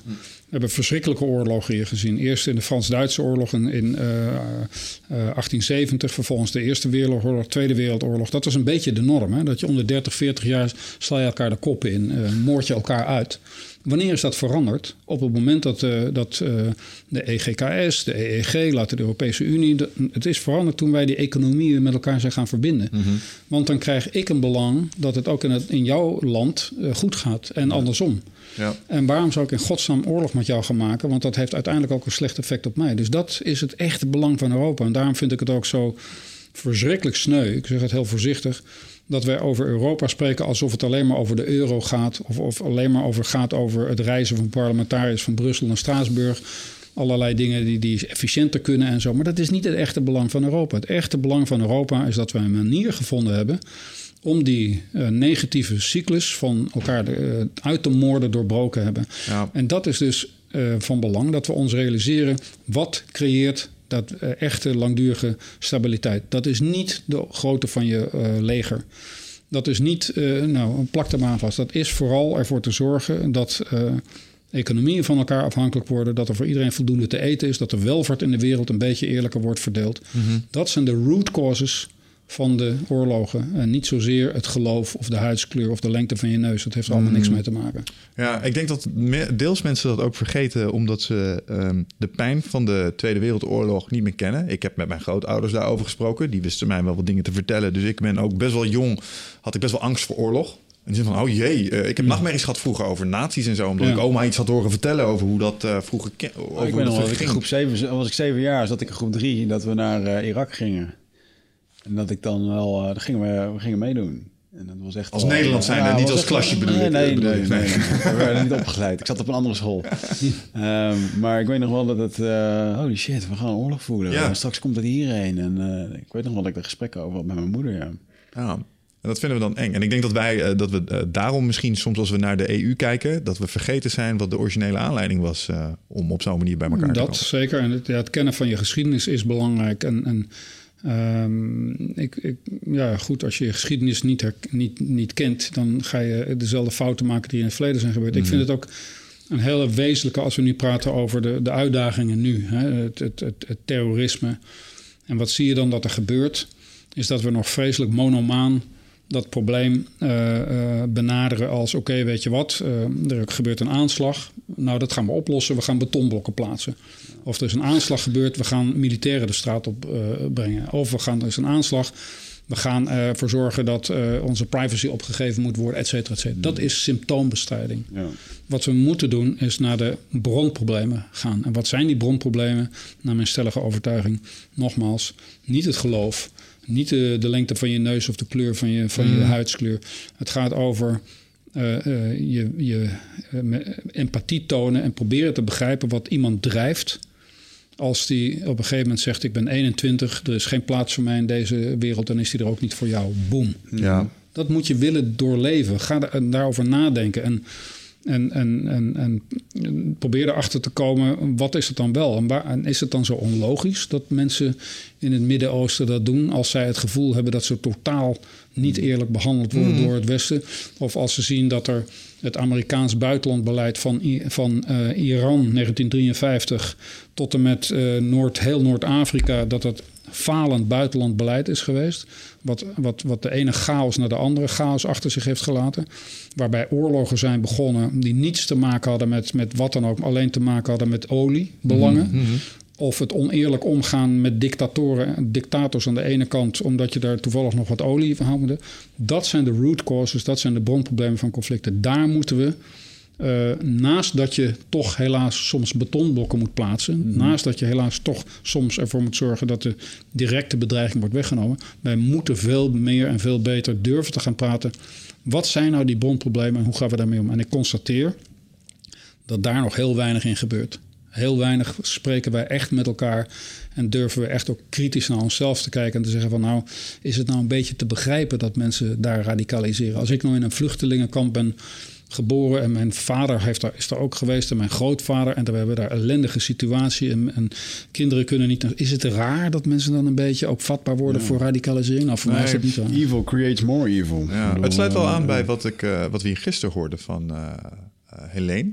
Zeg maar. Die vertelde over mensen in Peru die inmiddels wel beschikken over smartphones, maar nog wel in, eh, in armoede leven. En die ervaren heel erg eh, het pijn van vergelijken. Met andere woorden, ze zien hoe het ook kan in de wereld. Ze zien stabiele, vrije eh, samenlevingen. En die hebben zij beduidend niet. En dat vind ik er interessant aan. Want ik hoor je aan de ene kant hoor ik zeggen... de oplossing hiervoor is een verweving en integratie van economieën. Dus een, een wederzijdse afhankelijkheid creëren. Volgens mij kun je die alleen maar creëren door verder te gaan globaliseren... en economieën elkaar te vervlechten. Maar het lijkt erop dat daar eerst een stap voor nodig is van pijn. Want om die globalisatie te kunnen doen... moeten we eerst een stukje technologie hebben. Daardoor krijgen we die vergelijkingspijn. En dan pas kunnen we de stap maken naar... Maar je gaat een beetje te hard voor. Eh, aan de ene kant hebben we het over Europa, het belang van Europa, het willen inzien wat de daadwerkelijke essentie van Europa is. Dat heeft dus te maken met het verstrengelen van de economieën en dat creëert langdurige stabiliteit. Ja. Een tweede onderwerp dat is echt eerlijk durven te begrijpen waarom er conflicten zijn. Conflicten worden niet veroorzaakt doordat het een een groter leger heeft dan het andere. Het conflict veroorzaakt door eigenlijk de echte essentie is bad government, slechte leiders. Oké. Leiders die zeggen, ehm, eh, daar is een gevaar, we worden bedreigd, eh, kom dan maar allemaal achter mij, ik ben jullie leider en ik zal, ik zal er eens even oorlog gaan voeren. Dat, uiteindelijk is dat eh, is, is daar, daar waar het om gaat. En ik vind dat je dus begrip moet tonen als je het hebt over hoe gaan wij onze huidige eh, uitdagingen tegemoet treden. Nogmaals, je zult af en toe genoodzaakt zijn om die betonblokken te plaatsen, want morgen kan er bij wijze van spreken weer een, een, een vrachtauto ergens een dorpsplein oprijden. Maar aan de andere kant moet, willen wij tenminste niet voor kiezen om dit probleem ook aan onze generaties na ons door te schuiven, eigenlijk niks te doen. Zullen wij echt bereid moeten zijn als internationale gemeenschap veel kritischer naar onszelf te kijken. En ook mm, na te denken van wat voor buitenlandbeleid hebben wij nou laten zien de afgelopen 200 jaar. We hebben de Congo leeg geroofd. Hè? België, de, de Belgische koning, die beschouwde de Congo als een privébezit. En daar is leeg. Is het dan, en, en, en zo zijn er vele voorbeelden. Is het dan raar dat die mensen op enig moment denken van... goh, uh, ik wil ook wel wat van die moderne ja. nieuwe dingen... omdat we dat via het internet allemaal kunnen laten zien. Ik vind het niet zo vreemd dat mensen vervolgens zeggen... goh, ik heb, kan hier mijn gezin niet te eten geven... en ik zie dat het daar allemaal wel kan. Ik ga die kant op. Wil je dat ooit probleem met z'n allen een beetje... Um, en dat gebeurt niet van vandaag op morgen. Er zal ook een generatie overheen gaan. Maar wil je dat echt oplossen, dan moeten we dus ook begrijpen dat het onze verantwoordelijkheid is om onze geweldige welvaart hier in het Westen wat meer te delen ook met die hele arme gebieden. En dat wil ja, niet zeggen dat we alleen maar geld naartoe moeten brengen. Maar we moeten het belang zien dat we een deel ook hebben in de ontwikkeling van die landen. Dat is denk ik misschien waar je vond wat ik wat te snel ging. Maar dat was mijn conclusie. Zo van, joh, als we die landen uit die modus willen krijgen zullen we ze moeten laten meegenieten van de welvaart die er is. En dan, dan moet je gaan handel drijven, moet ja. je infrastructuur gaan inrichten al daar. Zorgen dat ze op ja. eigen benen kunnen staan. Ja, precies. En daar is globalisatie denk ik een beetje van over. In ieder geval meer internationale samenwerking uh, als dat er nu wel eens lijkt te zijn. Dat geloof ik. Ja. ik, ik je, je hoort mij ook...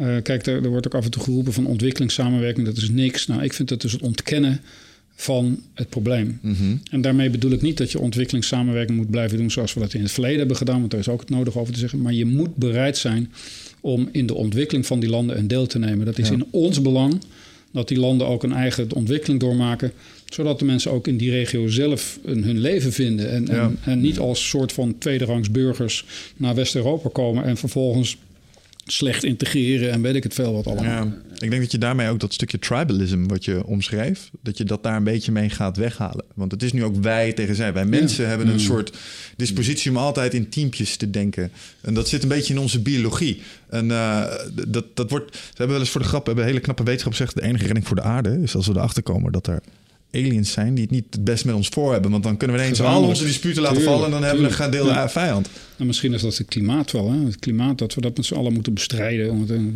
Dat zou mooi zijn als we, de- als we dat besef hadden. Maar je hebt gelijk over, om die, over die dispositie. eh, er is ooit een, een, een documentaire geweest van een Amerikaanse eh, dame. In, ik dacht in de negen, jaren 50 of 60 of zo. Ik ben de naam vergeten. Maar toen heeft ze een experiment gedaan. Dat ze in een, een kleuterschool eh, de helft van de eh, kinderen een rood sjaaltje gaf. En de andere helft gaf ze een blauw sjaaltje. En dan was het zo dat de, de, de kinderen met het blauwe sjaaltje of rode sjaaltje, een van de twee, die kregen een mindere positie in de klas. Die mochten niet op de stoelen zitten, die moesten op de grond zitten. En binnen een paar dagen zag je dus een enorme, hoe zeg je dat, divide. eh, Klassencultuur. kla- en, en er werd gepest. En, en voor je het weet is het dus wij tegen zij. Dus het is zo makkelijk om, om mensen tegen elkaar op te zetten. En of het nou het sjaaltje is, of de lengte van je neus, of de kleur van je huid, of je afkomst, of je geloof. Any label wat we kunnen gebruiken om el- elkaar te onderscheiden, wordt gebruikt om, om, om mensen tegen elkaar op te zetten. En dat is precies wat je nu de slechte leiders ziet doen. En dan, dan kan ik een heel riedeltje eh, kan ik opzommen. dat zal ik hier nu even niet doen. Maar we kunnen allemaal ons bij voorstellen wat voor leiders dat zijn. Ja. Dat zijn wat mij betreft de valse leiders. Elkaar tegen elkaar, eh, mensen tegen elkaar opzetten in plaats van mensen laten begrijpen dat we maar één planeet hebben. En dat hoe het ook wend- wenden of keren, we zullen het hier met z'n allen moeten zien te rooien. En dan het liefst op een manier dat het voor iedereen een beetje prettig is. Ik ben eigenlijk heel benieuwd naar. Ik vind het trouwens wel mooi dat je eh, ook erkent dat de oorlogen gestart worden eh, vanwege olie en die helemaal niks te maken hebben met echt mensen die in nood zijn. En ik merk soms, zeker bij een, een militair en hoge functies die actief in dienst zijn, die moeten daar ook voorzichtig mee omgaan. Eh, maar ik was blij om dat, om, om dat te horen. Ehm, Zit jij eh, vaak in je hoofd? Eh, neem je heel veel informatie tot je video's, podcasts, boeken? Nou, voel je niet schuldig, dat doen heel veel mensen natuurlijk. Hè, maar vaak zijn we op zoek naar antwoorden. Ehm, gaan we nog meer informatie tot ons nemen. Terwijl ja, de antwoorden liggen toch echt in onszelf. En dat is iets wat we voelen met ons lichaam. Maar vaak zijn we zo erg in ons hoofd bezig ja, dat we dat ook niet meer, dat we daar niet meer echt goed bij kunnen. En dat is graag waar ik je voor uit wil nodigen. Voor Rite of Passage. 24, 25 en 26 mei is er weer een nieuwe editie. Voor mijn retreat voor persoonlijke ontwikkeling. Waarbij het thema echt is om uit het hoofd te komen in dat lichaam. Want dat is waar je alles ervaart. En ik wil dat je gewoon weer in contact komt met, met die, die intuïtie. Ehm, en dan gewoon een heel sterk eh, innerlijk kompas. Dat je gewoon weer weet waar je naartoe moet. Wat je te doen staat. En dat je gewoon weer helderheid hebt over wat je wilt en hoe dat je dat gaat doen.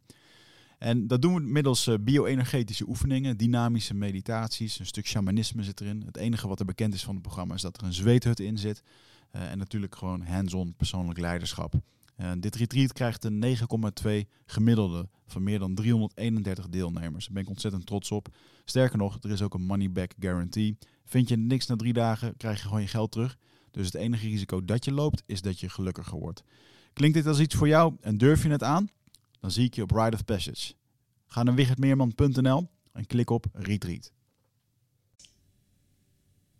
Wat vind jij op dit moment van, ehm, eh, een, een, dan neem ik even onze Russische vriend eh, Poetin als leider, die ik nu wel eens eh, op de nieuwe media voorbij zie komen, wat niet uit wordt gezonden op de Amerikaanse zenders, en waar die eigenlijk gewoon in alle eerlijkheid soms best wel redelijk overkomt en best wel gewoon helder beschrijft wat er in Amerika gebeurt, waarom, eh, dat dat hij gewoon ook letterlijk zegt van, joh, Obama was best een prima president.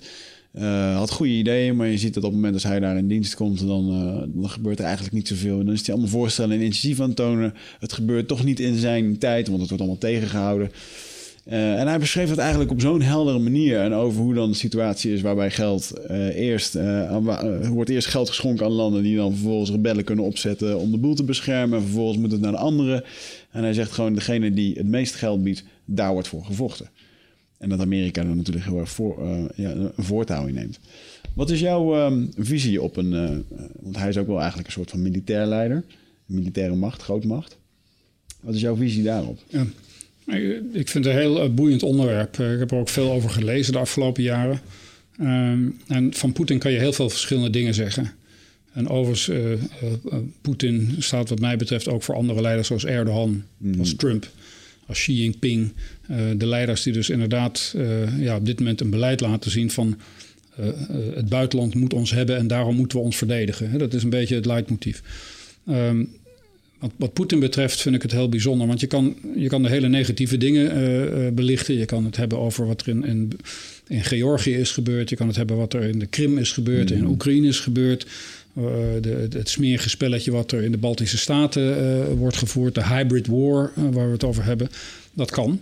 Je kan ook een andere insteek kiezen en je kan je proberen te verplaatsen mhm. in, in Rusland, in, in, in, in, in mensen als Poetin. En je afvragen van, goh, wat is er nou na het vallen van de muur gebeurd in 89? Nou, ik denk met de wijsheid van nu dat je kunt zeggen dat wij als Westen ons in ieder geval niet de ruimhartige overwinnaar hebben getoond.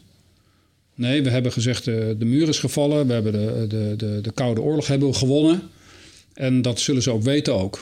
Ehm, en ehm, we hebben de NAVO hebben we uitgebreid naar het oosten. En daarvoor hebben we steeds ons verdedigd door te zeggen van ja, maar de landen wilden het zelf.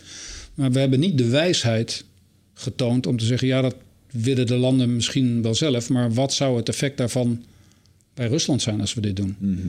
En als we ons wat meer hadden verplaatst in de schoenen van de Russen, dan hadden we ons wellicht wat beter gerealiseerd dat ze dit toch als een, als een enorme bedreiging hebben gezien. Of een, een, een, een, een Sovjet-Unie die, die, die de halve wereld omspande, die, die elk jaar kleiner en kleiner en kleiner en kleiner en kleiner werd. Dat hebben we ons onvoldoende gerealiseerd. Ik denk dat Jaap Toop Scheffer dat recent ook heel duidelijk heeft uitgesproken. Met name in 2008 was er zo'n zo'n zo'n kantelpunt. Uh, waarbij je Poetin eigenlijk van uh, een, een, voorzichtige democraat, toen hij net begon, toen heeft hij ook heel bewust het Westen opgezocht. Uh, in 2008 was het echter voor hem de maat vol. Toen heeft hij gezegd: potverdorie, met het Westen is geen zaken te doen. Alles wat we willen, wat we doen, daar wordt niet op, op gereageerd. Er is geen begrip van onze kant. En, en dan gaan we de andere kant op. En toen is hij heel erg gaan zitten op de op de nationalistische rol. Hij begon over uh, uh, Novorossiya te spreken, Nieuw-Rusland, een begrip van Catharine de Grote. Uh, maar wat eigenlijk een enorm nationalistische toon. Ja. op een gegeven moment zie je de, de, de lintjes verschijnen, de oranje-zwarte lintjes die iedereen gaat dragen. wat een uiting daarvan is. En we hebben het eigenlijk voor hem mogelijk gemaakt om een hele nationalistische sentiment aan te boren. En vandaar dat je nu ook de, de Russische bevolking, er zijn weinig mensen die, die, die, die Poetin niet aardig vinden. Er zijn er wel, natuurlijk wel. Maar de meesten vinden hem toch wel ja, de sterke leider die Rusland nodig heeft. En er is een hele grote basis uh, van, van mensen die dat wel eigenlijk prima vinden. Dus we hebben dat onvoldoende uh, aangevoeld. We hebben ons onvoldoende in, in onze tegenstander, onze, onze, de overkant geplaatst. Een, een gebrek aan empathie. Uh, op, op, op, op, op nationale schaal, op internationale schaal eigenlijk, waarvan we nu eigenlijk zeggen: Goh, wat verrekte zonde eigenlijk. Het had ook anders kunnen lopen. Ja, ja. We hadden ons ook anders kunnen opstellen. Um, ik zeg daar niet mee dat ik slimmer ben dan de rest, helemaal niet. Ik heb bij mezelf gemerkt dat ik ook die. Uh, ook in het begin waren we toch wel duidelijk uh, van ja, god, we hebben de Koude Oorlog gewonnen. Mm -hmm. En uh, het is, de, de, de, NAVO breidt zich uit. Dat betekent dat we meer stabiliteit om ons heen creëren. Ja, maar we, we, en ik ook onvoldoende wellicht gerealiseerd dat dit aan de andere kant heel verkeerd begrepen is. En ook de, de aanzet is geweest voor Poetin om, om een hele andere koers te gaan varen. Dus tot doodzonde. Hebben we dan eigenlijk niet verzaakt, en dat, dat klinkt misschien heel hard, maar om een voldoende een coup de grace uit te delen naar die mensen? Dus een genade, want ze zijn er nog. Uh, en misschien was dit minder een probleem geweest als je. Misschien hadden ze wel mogen blijven bestaan. Maar er was nog voldoende aan fundament daar om weer op te bouwen. En nu zijn ze opnieuw een dreiging geworden. En uh, als je de boeken leest. Um, Sun Tzu, allerlei generalen die zeggen... eigenlijk is dat niet iets wat je doet. Je laat je vijand niet, niet achter in staat om te herstellen... en om ons nog een keer weer tevoorschijn te komen.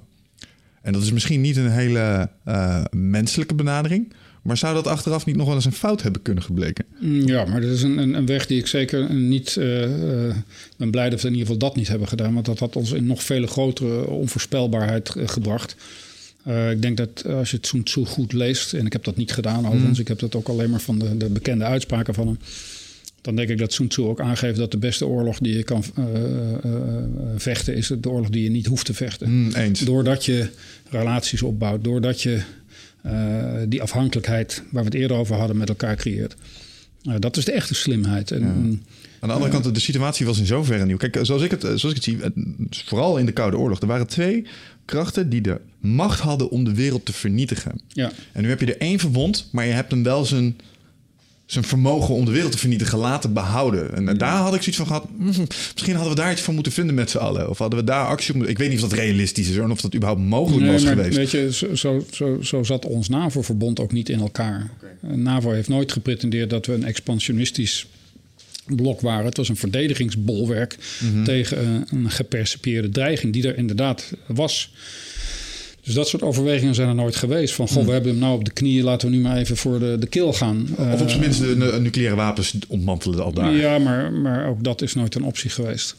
Ehm, als we het überhaupt al hadden gekund hoor. Want dan moet je eens voorstellen wat dat had betekend. Dan had je dus als NAVO eh à la Napoleon en Hitler eh, vervolgens... Ja, dat is, eh, dat is over het algemeen niet goed afgegaan. nee, oké, check. ja. is het, het nucleaire wapenverhaal is toch eigenlijk, tenminste als ik dat onlangs een keertje las in een goed artikel in mijn ogen, was het meer het feit, ehm, Engeland heeft nucleaire wapens, ehm, wij niet, dus wij hebben ook nucleaire wapens. Het is gewoon een soort weegschaaltje wat heen en weer gaat. Als wij geen nucleaire wapens hebben, betekent dat zij machtiger zijn of meer of krachtiger zouden kunnen zijn. Om het echt te gaan gebruiken, het is meer gewoon een, een, een machtsmiddel. Nou, gelukkig hebben we dat met z'n allen, eh, met z'n allen ingezien. het, het is, dat is het paradigma van de mutually assured destruction geweest. ja. Eh, als ik nou iets in mijn hand heb en jij hebt hetzelfde in je hand... en ik, en, en ik weet dat als ik dat gebruik... als ik dit wapen gebruik... dan ben jij nog steeds in staat om dat wapen ook tegen mij te gebruiken. Nou, dan kan ik het maar beter niet gebruiken. Dat, dat, dat zou, dat veronderstellen we... voor een hele lange tijd van stabiliteit in Europa hebben geleid. We kunnen nooit eh, bewijzen wat er zou zijn gebeurd als we het niet hadden gehad. Alleen dat is de veronderstelling geweest. Ja. Eh, dat is de, eh, het enige belangwekkende aan die nucleaire wapens geweest. Godzijdank hebben we het nooit in hoeven zetten. Want het zijn massavernietigingswapens. Het, die, bereikt, die bestrijdt dan niet meer militaire doelen. Je, je, je, je, je, je veegt een bevolking van de kaart. Dat zijn massavernietigingswapens. En dus mogen die nooit overwogen worden om in te zetten. Dat is een rare paradox natuurlijk. Ik heb het omdat ik wil dat ze nooit worden gebruikt. Alles wat je gaat doen om aan dat hele delicate evenwicht te morrelen, vind ik heel slecht. Ook de discussie nu aan de overkant van de plas, laten we maar eh, tactische nucleaire wapens gaan gebruiken die wat minder yield hebben, die wat minder vernietigende kracht hebben, vind ik, vind ik, eh, vind ik eh, van een naïviteit eh, die ik, die ik verbazingwekkend vind. Dan begrijp je gewoon niet wat voor wapens dit zijn en, wat, wat, wat, en, en, en hoe ze bedoeld zijn, laat ik het zo zeggen. Is de, is de grootste, ehm, ja, de grootste risicofactor hierin is op dit moment Noord-Korea. Het is, het is een, is het de grootste? Ik weet het niet. Misschien. Zo, wordt het in, zo komt het in- op mij over als ik. eh, het, is een van de, volg. het is een van de hele eh, instabiele eh, eh, situaties die heel makkelijk kunnen escaleren, inderdaad. Ja. En eh, kijk, tot nu toe gaan we steeds uit van een bepaalde rationaliteit. Dat mensen dit van alle kanten bekijken en vervolgens besluiten om het maar niet te doen. Maar ja, tegelijkertijd zien we daar eh, leiders aan het hoofd van regimes die niet, die, die, die regimes hebben niet die countervailing power, hebben die niet, niet die checks en balances in zich. Dan staat daar een dictator of er staat een, een, president aan het hoofd die, die rare sprongen maakt. Ja, dan, zit- dan zit je in een wereld die, die, die, die kwetsbaar is, onvoorspelbaar is. En dat moeten we niet willen. Wij willen een stabiele, eh, voorspel, voorspelbare wereld waarin voor iedereen ruimte is om, om een leven te leiden. Daar moeten we aan werken. En we moeten werken aan het klimaatprobleem, aan het oplossen van ziektes, aan het eerlijker, et cetera, et cetera. Dus ik vind deze hele trend die we nu zien, vind ik uitermate negatief. Wat, is, Ja. wat, is, wat je zegt net, dat is een van de brandhaarden waar het onstabiel is. Wat is nog meer een. eh wat, eh, kolonel Swillens die had het erover, die, had het, die baarde zich zorgen over het oosten, Eh, Rusland. Ehm, waar, eh, wat is iets waar jij. eh, eh, kijk, wat, wat in Rusland is het in zoverre iets anders. Dat, ik geloof niet dat, dat Rusland eh, overweegt met nucleaire wapens te gooien. Want alles wat er aan nucleaire wapens gegooid zou worden, treft ook Rusland. Dat Ja. niet. Maar je ziet wel dat, dat op dit moment, en daar moeten we onze ogen niet voor sluiten. We moeten ook niet spannender maken dan het is. Maar we kunnen het niet wegdenken. Dat er op dit moment in Rusland een regime is die, die met allerlei activiteiten toch eh, het Westen op een bepaalde manier probeert te beïnvloeden. En dan zeg ik het heel netjes. Dus je hoeft niet met nucleaire wapens te gaan smijten, maar je kan het ook, die, die, die, die grotere invloed van jou, kan je bewerkstelligen door, door subversief te zijn. Ja. Nou, dat kan met, met cyber, dat kan met, met het beïnvloeden van verkiezingen, dat kan met het beïnvloeden van, uh, van de publieke uh, opinie over bepaalde zaken, kan dat gebeuren. En dat gebeurt, dat, dat is een instrument waar de Russen bedreven in zijn. Daar moeten we onze ogen niet voor sluiten. En ja. even voor alle duidelijkheid, in het Westen zijn we ook geen lievertjes. het Westen uh, heeft natuurlijk ook een heel slecht track record waar het gaat om uh, eerlijk zijn over onze verontwaardiging, uh, over mensenrechten of ja. over zaken doen met dictators of omverwerpen van regimes. Ik bedoel, daar moeten we ook eerlijk in zijn. Maar willen we het verbeteren, dan moet je eerlijk met elkaar die discussie willen voeren. En niet zeggen van luister, mijn gelijk is nou één keer belangrijker dan dat van jou en daarom ja, in Rusland zitten er twee jongens uh, die generaal weer net over wat podcasten. En uh, dan heb je een heel andere podcast. nou wordt dit besproken over ons. Mm. Ja, dat denk ik ook wel. Nou, in dat kader, als het gaat om die ge geopolitiek en wat, iets wat tegen uh, Rusland aan ligt natuurlijk. En iets wat mij voorheen zorgen baarde, maar tegelijkertijd ook wel iets minder. En misschien nog wel eens een hele mooie verbindende factor kon blijken, is China. Mm -hmm. Je had het er straks over economie. Ik ja. weet dat zij de zijderoute weer aan het, uh, ja. aan het ja, resurrecten zijn... door een enorme investering te doen in infrastructuur. 60 biljoen of zo las mm. ik er. Dat is echt insane. En het hele idee daarvan is dat ze de hele wereld aan elkaar wil, willen verbinden mm. economisch. Hoe kijk jij naar die ontwikkelingen... Um, daar in ja, China. Ook, ook, daar weer een beetje uh, mijn nuancerende uh, kijk. Uh, je kan op de korte termijn zaak bekijken en, en, zeggen van China: kijk eens, de mensenrechten worden niet helemaal uitgevoerd zoals wij dat graag zouden willen zien. En er zijn allerlei misstanden. Mensen worden uit huizen gezet omdat daar infrastructuurprojecten. Nou, dat vind ik de korte termijn visie. Je kan ook een andere visie nemen en zeggen van kijk China is bezig om een land. Ehm, uh, enorm te laten ontwikkelen. Eerst de kuststreek, maar vervolgens het, het, achterland van China. Ze investeren in, in Pakistan, in allerlei andere landen. dat kan je, dat, dat, daar kan je bang voor worden. Je kan zeggen, kijk eens die invloed van China die buiten uit. Maar je kan het ook positief benaderen en zeggen, ja. goh, dat doen ze inderdaad. Ze maken het mogelijk voor de wereld om beter met elkaar handel te drijven. Te beginnen met het Eurasiatische continent. Maar dat hoeft helemaal niet slecht te zijn. En kijk eens wat China vindt van uh, omgaan met het klimaat. Hè. Vroeger waren ze de grote vervuiler. Nu zijn ze grootschalig bezig om allerlei alternatieve en ja. duurzame energie uh, te creëren. Nou, zo slecht is dat nog niet. Mm. Laatst heb ik uh, gehoord dat men bezig is om een, een spoorlijn aan te leggen van Beijing. Via Maleisië, Indonesië, 550 kilometer over water naar Australië notabene tot en met Sydney. Ook voor een, een, een, gigantisch bedrag aan ontwikkelingen. Wat al op redelijk korte termijn zou moeten worden uitgerold. Dat zijn fenomenale projecten. Ehm, dat ook inderdaad zal betekenen dat ja, als het goed uitpakken. Landen nog wat meer vertrouwen in elkaar zullen krijgen, meer handel met elkaar gaan drijven en inderdaad ervoor zorgen dat, er wat, dat die stabiliteit zal toenemen. Mm. Uh, hoe dat uit gaat pakken, dat weten we niet. Uh, maar ik vind, ik ben erg onder de indruk, laat ik het zo zeggen, wat er allemaal in China gebeurt. En, en zoals je al zei, uh, wat ze allemaal aan het ontwikkelen zijn.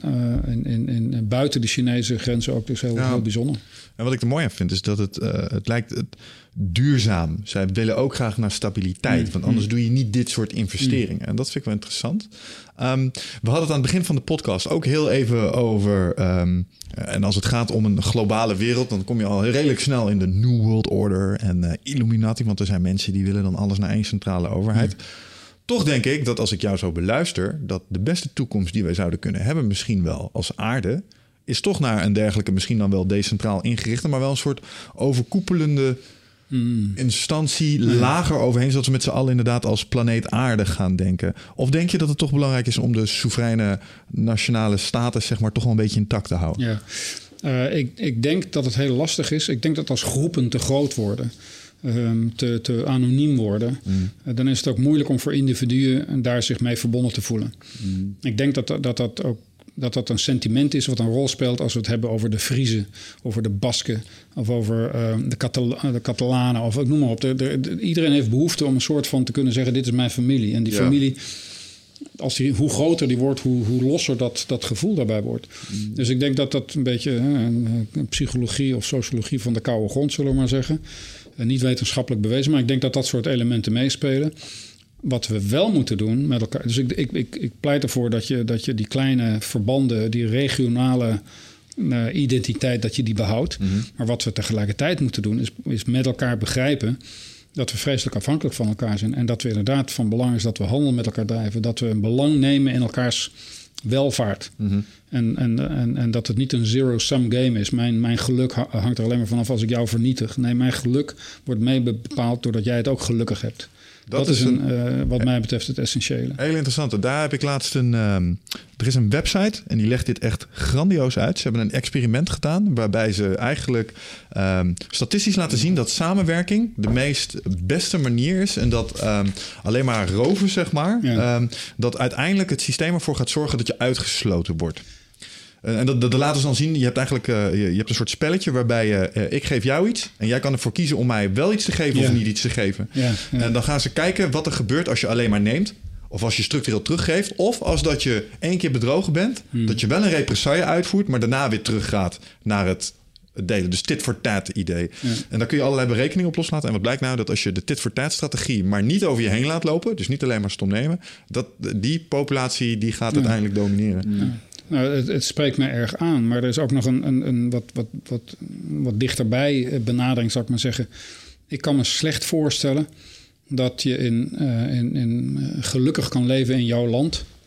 Als jij elke avond de ellende van de rest van de wereld voorgeschoteld krijgt. Dus jij leeft gelukkig in je land.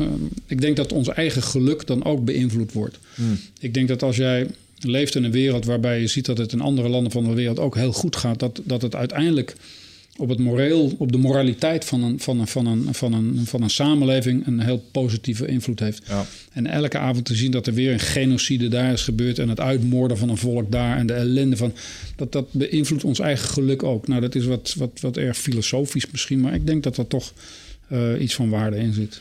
Nee, ik denk dat dat intapt op, uh, op ons mensen. Volgens mij ben jij dat, Wigert, die dat zei. Dat wij mensen altijd aangaan op negativiteit. En dat, dat is de reden is waarom het... Daarom kijk je geen tv meer, bij wijze van spreken. Ja, dat is de reden waarom je in het bos een rode slang snel uh, waarneemt. En daar is wel waar mensen aan blijven hangen. Waarom ook de media negatief is, zodat je dan blijft kijken. Als het dan positief is, dan schijnen mensen toch minder uh, te, blijven, mm. te blijven hangen. Maar goed, anderzijds vind ik het ook een beetje... Um, het gaat goed in de wereld, weet je wel? Hm. We, we, we, hebben nu best wel zware gesprekken over wat er allemaal kan gebeuren. Maar anderzijds, als je naar de andere uh, kant van de weegschaal kijkt... dan denk ik dat er hele mooie dingen gebeuren. En uh, um, ik vind het wel bijzonder hoe uh, strijdkrachten daar ook in ontwikkelen. Hm. Ook de visie daarvan. ook hoe cultureel en maatschappelijk een invloed heeft gehad. Je bijvoorbeeld kijkt, we hadden het straks over militairen die terugkomen... die begrepen worden, bijvoorbeeld met de Vietnamoorlog... En dat is ook heel moeilijk. In buitenstaander begrijpt niet wat daar is gebeurd. Met al die mensen die om zijn gekomen en hoe dat, dat ging. En, uh, en het is nu omgeslaan naar bijna hero worship. In Amerika wel, ja. ja. Aparte rijen bij de supermarkt volgens mij. Bij de, of bij de, niet bij de supermarkt, maar in ieder geval bij... Uh, ja, vaak bij winkels ook wel en zo. En bij uh, vliegvelden. Als je een militaire pas ja. hebt of veteraan bent, krijg je vooraan. Ken je de comedian Bill Burr? Nee. Was van gehoord. Die, heeft laatst, die had laatst een, een soort opstootje in een van zijn shows... omdat hij dus weigerde mee te doen aan die hero worship in Amerika. Hij zegt, hey, mensen die zeg maar waarop geschoten is, dat zijn helden. Maar als jij die dude bent op een vliegdekschip... die zeg maar het vliegtuig die kant op wijst... dan vraag ik me af of jij in diezelfde speciale rij moet staan... en al die privileges ook moet krijgen. Ja, dat vind ik ook een niet gepaste opmerking uiteindelijk. Ik vond hem. Ik, ik, ik, vind dat ook iets waar ik, waar ik uh, niet altijd... Uh, um, uh, hoe zeg ik het nou, blij van wordt. Ik, mm. ik vind ook dat uh, uh, onze militairen die, die op uitzendingen zijn en voor ons allemaal als samenleving hele moeilijke werk doen, dat, dat, dat moeten we erkennen, dat moeten we zien. Maar het is zeker niet de enige categorie in ons land. Dat doen ook brandweerlieden, dat doen politiemensen, dat doen mensen in, in ziekenhuizen. Ik vind dat we voorzichtig moeten zijn met de term held. Mm. Ik vind daar wat een inflatie in is opgetreden. Hè. Zodra je iets bijzonders doet, ben je al een held. ik vind dan ben je misschien een idool, maar geen held.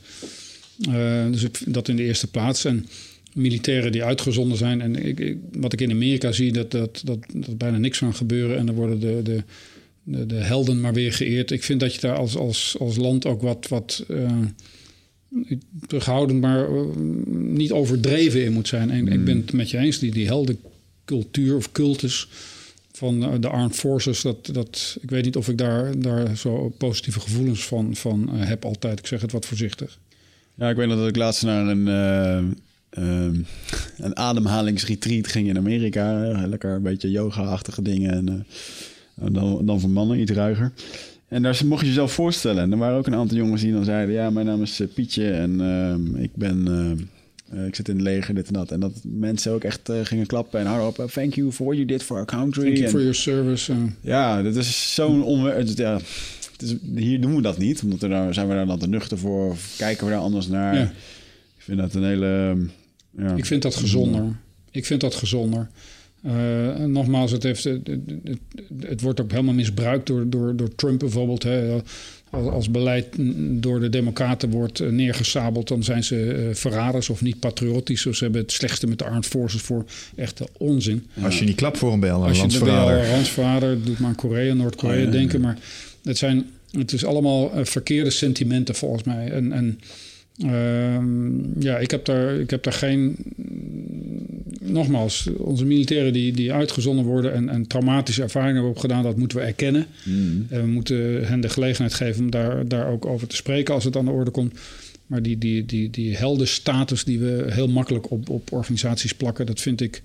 nou, dat wordt ook heel vaak misbruikt, laat ik het zo zeggen. Ik, ik heb er altijd wat, wat, wat eh, voorzichtige gevoelens bij. Ik, druk me een beetje rustig uit. Het komt ook wel een beetje terug in de, de onderzoeken die ik naar jou had gedaan. Dat je werd gekenmerkt als iemand die eh, niet stond te springen op het moment als er eh, weer wat behaald was.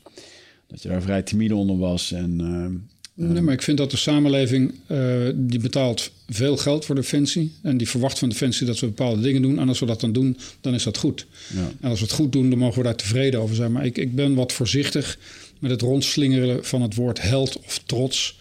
Ehm, eh, een beetje bescheidenheid en een beetje ook hier weer plaatsen in een groter perspectief. hè. Daar gaat het ons eigenlijk allemaal om. dat, dat, dat, dat spreekt mij wel aan. Ja. Vind ik zo lekker aan Nederland. Dat meen ik serieus. Eh, Ik denk dat, dat Nederlanders hetzelfde daarmee omgaan als we er met onze BN'ers omgaan. Snap je? Eh, je de- als jij een Ja. BN'er tegenkomt, ga je direct... Ja. Nee, dat doen we normaal, weet je wel. Terug. Ja. Gek genoeg. Eh, Heb jij vaak als, want je bent een vrij nuchtere militair. Militair is dan bekend omdat eh, je bent zeker een man van het doen. Heb jij, eh, toen je op een gegeven moment in de achterkamers kwam van de politiek, heb je wel eens met verbazing zitten kijken naar collega's die nog nooit met een poot in de klei hadden gestaan of in het veld, als je dat zo mag zeggen. Dat je dacht van, ja, dit, je, begrijpt het gewoon niet. En hoe was dat om voor jou daar diplomatiek mee om te kunnen gaan? Ja, ehm, dat is een goed punt dat je maakt. Ehm, op het moment dat ik, ik... Natuurlijk heb ik dat wel eens meegemaakt. dacht van, goh, wat, de kennis van defensie eh, is kennelijk bij die of die persoon heel gering. En als je dan... Of, of dat je in de krant iets leest over defensie... waarvan je zeker weet dat het niet zo is. Of dat er weer een complot werd verondersteld... waar je van zeker weet dat het niet zo was. Dan realiseer je van, goh... ehm, als ik hier nou zie dat het niet waar is wat hier geschreven wordt... of wat mensen vinden dan zal het ook wel zo zijn dat als ik dingen lees van organisaties die ik niet ken, dat ik ook misschien wel eens niet het goede begrip heb. Begrijp wat ik bedoel? Ja. Dus ik, Ja. ik, was me, ik ben me erg bewust geworden van, van. Het is niet automatisch dat mensen alles van jouw organisatie weten. En natuurlijk niet. Hoezo? Als je, als je, als je daar nooit in hebt geacteerd of nooit hebt. Waarom? Je kunt niet zomaar veronderstellen dat, dat iedereen dan wel weet hoe defensie werkt. En ik heb toen ik CDS was, heb ik dat ook eh, geprobeerd eh, te benadrukken. Ik heb me erg ingespannen toen om defensie uit te leggen aan het grote publiek. Dus als er ergens een camera stond en ik kreeg de gelegenheid, heb ik dat ook geprobeerd om in Jip en Janneke taal te vertellen wat, wat doet defensie nou eigenlijk? Wat gaat er goed bij defensie? Wat gaat soms niet goed bij defensie? Ja. En ik denk dat mensen, eh Henk Kamp zei dat altijd zo mooi, we zijn mensen, we maken dus fouten per Ja. definitie. Het is eigenlijk raar, zei hij altijd, dat er soms nog dingen goed gaan, want de default is eigenlijk dat dingen fout zouden moeten gaan, dat we eigenlijk zo slecht communiceren. Ja. Maar, maar leg het uit. Leg uit wat je doet. En, en neem niet voor, eh, voor, voor, voor vanzelfsprekend aan dat mensen wel begrijpen dat je doet. En als je dat doet in Jip en Janneke taal uitleggen, waar gaat het dan om? Wat gaat goed, wat gaat niet goed? Dan zijn mensen ook bereid om te accepteren dat er wel eens wat fout gaat. En niet meteen te roepen van zie je wel, dat is defensie weer, het gaat altijd fout. Ja, Ja. als men je niet kent, dan, dan is dat de reactie. En het is ook niet in het belang van defensie om de pers op afstand te houden. We hebben toen ook gezegd, om guidance van Henk Kamp, van haal ze er binnen, laat zien wat je doet, vertel het eerlijke verhaal. En ja, er gaan soms dingen verkeerd, helaas. Ja, ik heb wel een groot, gro- grote ehm, bewondering voor de heer Karremans die dit allemaal over zich heen krijgt. Want die heeft een bepaalde plek in de media moeten innemen, wat hem gewoon eigenlijk opgelegd is. Ehm, waarvan ik denk van wauw man, dat, uh, daar ben je jaren mee bezig om dat iedere keer weer te verdedigen en te doen. Terwijl deze, ergens deed deze man op, zijn, op dat moment gewoon zijn werk. Met de kunnen en hemden en de bewustzijn wat hij op dat moment had, maakte hij die beslissingen. En ik heb het idee dat er, um, dat er, dat er, er is zoveel over gezegd en geschreven dat het eigenlijk bijna niet meer eerlijk is voor deze man. Dit is gewoon een zondebok geworden van het hele uh, circus wat er omheen is gekomen. Zeg ik dat simpel? Of nee, dat... ik denk dat je daar gelijk in hebt. En, maar laat ik zo zeggen, ik zou vooral willen benadrukken dat, dat we ons moeten realiseren dat, uh, dat vele partijen uh, op dat moment betrokken zijn geweest. En dat ook onze politiek steek heeft laten vallen. De internationale gemeenschap, de VN, hmm. Defensie zelf die een missie heeft geaccepteerd waarbij we nu, die zouden we nu op dit moment nooit meer zo accepteren. Omdat er te veel haken en ogen aan zaten en waarbij je eigenlijk een, een haast onmogelijke opdracht geeft aan een eenheid en, en zegt nou doe je best. En als het dan niet goed gaat, dan wijzen we allemaal naar één persoon. Dat is veel te makkelijk. Um, daarmee zeg ik niet dat alles wat Karamans gedaan heeft uh, allemaal perfect was. De beeldvorming heeft niet alle niet details daarin in zijn voor, dat, uh... beeld, ge, uh, voordeel gewerkt. Uh, de, dus, dus los daarvan. Uh, maar je hebt zeker gelijk als je zegt van het is te makkelijk geweest om, om uh, de debakel van in 95 Dutchbed om het allemaal maar op één persoon te, te projecteren. Dat is veel te makkelijk. Ja, mm. ja bijzonder. Ja, het doet me wel een beetje denken aan waar we het in, in, het begin ook even over hadden. We hadden het heel even over. Je spreekt nu een generaal, weet je wel, en die heeft dan misschien secret informatie. En toen was mijn vraag, is dat ook echt zo? En zei nou, dat valt wel mee. En toen zei je nog iets heel interessants over complotten... wat me eigenlijk ook wel een beetje ongerust maakte. Zou je dat nog eens kunnen vertellen? Ja, nee, ik probeerde aan te geven van hoe, hoe soms uh, men van buiten tegen Defensie aankijkt. En, en een van die dingen die mij altijd opvallen... is dat er heel, soms, of vaak misschien, uh, complotten worden verondersteld... van het zal wel zo en het zal wel zo zijn. En ja, dan, dan, dan, waarvan ik dan zeker weet dat het niet het geval was. En ik denk dat er vaak dingen meer gebeuren omdat men uit stommiteit iets is gebeurd of, of iets heeft gedaan. Uh, of door toeval iets gebeurd is. Uh, dat gebeurt veel vaker dan dat er een complot zou zijn. Complotten die zijn er niet zoveel, misschien wel helemaal niet. En alles wat we geheim proberen te houden in Nederland, dat komt op een of andere manier komt dat toch in de openbaarheid. Mm. Dus dat is. Ik heb nog nooit zoiets meegemaakt, dat er een complot gaan. Dus ik heb wel heel vaak meegemaakt dat er gestunteld werd of, of, of dingen toevallig verkeerd gingen. Ja. Uh, en dan zie je soms dat, dat er dan een reactie is in de samenleving. Ja, het zal wel vals spel zijn. Nou, ik nogmaals, het, het echte verhaal, helaas, is vaak veel uh, eenvoudiger. Mm -hmm. En, en tegelijkertijd complexer. Ja, ja, vandaar die zorg ook van ja, het feit dat sommige dingen gewoon gebeuren omdat er ergens iemand iets verkeerd deed waar ja. geen rekening mee gehouden was. En die zet dit allemaal in gang. Jeetje, ja. schaalstheorie eigenlijk. Wat, wat vind jij van die complottheorie? Uh, ja, dan moet ik het zeggen. Complottheorie uh, verraders en helden. Want uh, je hebt twee kanten daarin. Bijvoorbeeld uh, degene die geheime documenten lekken. Uh, meneer Snowden. Door de een wordt hij gezien als een, oh, ja. als een held. Ja, ja, en de ander als een verrader. Um, wat is jouw visie op het belang van dit soort informatie? Wel of niet publiekelijk? Ja. Uh, laten we zeggen het probleem van de klokkenluiders. Ja. En um, daar kan je ook op verschillende manieren mee omgaan. Uh, ik vind klokkenluiders, dat is een beetje... en hoe je daarmee omgaat... dat is het zelfreinigend vermogen van een organisatie. En als je daar heel radicaal tegen optreedt. Sterker nog, je verbiedt het en, en, en je, je, je drukt het de kop in, dan, dan, dan vernietig je het zelfreinigend vermogen van de organisatie. En ik vind dat we dat uh, moeten onderkennen. En dat je dus um, ook hier weer, we maken mensen, we maken fouten. Mm -hmm. En uh, ik, ik, ik, ben soms zo, uh, verbaasd me zo hoe kampachtig we daarmee omgaan. Ik denk dat we, de samenleving best begrip ervoor heeft dat er soms dingen fout gaan. Maar we hebben geen begrip voor situaties waar we proberen uh, de zaak onder het tapijt te vegen. Ja, ja, ja, dat willen we niet weten, dat willen we niet horen als samenleving. En terecht. Dus ehm, kijk, van Snowden kun je zeggen had hij zoveel documenten uh, allemaal uh, moeten gebruiken om te bewijzen dat er iets niet goed was.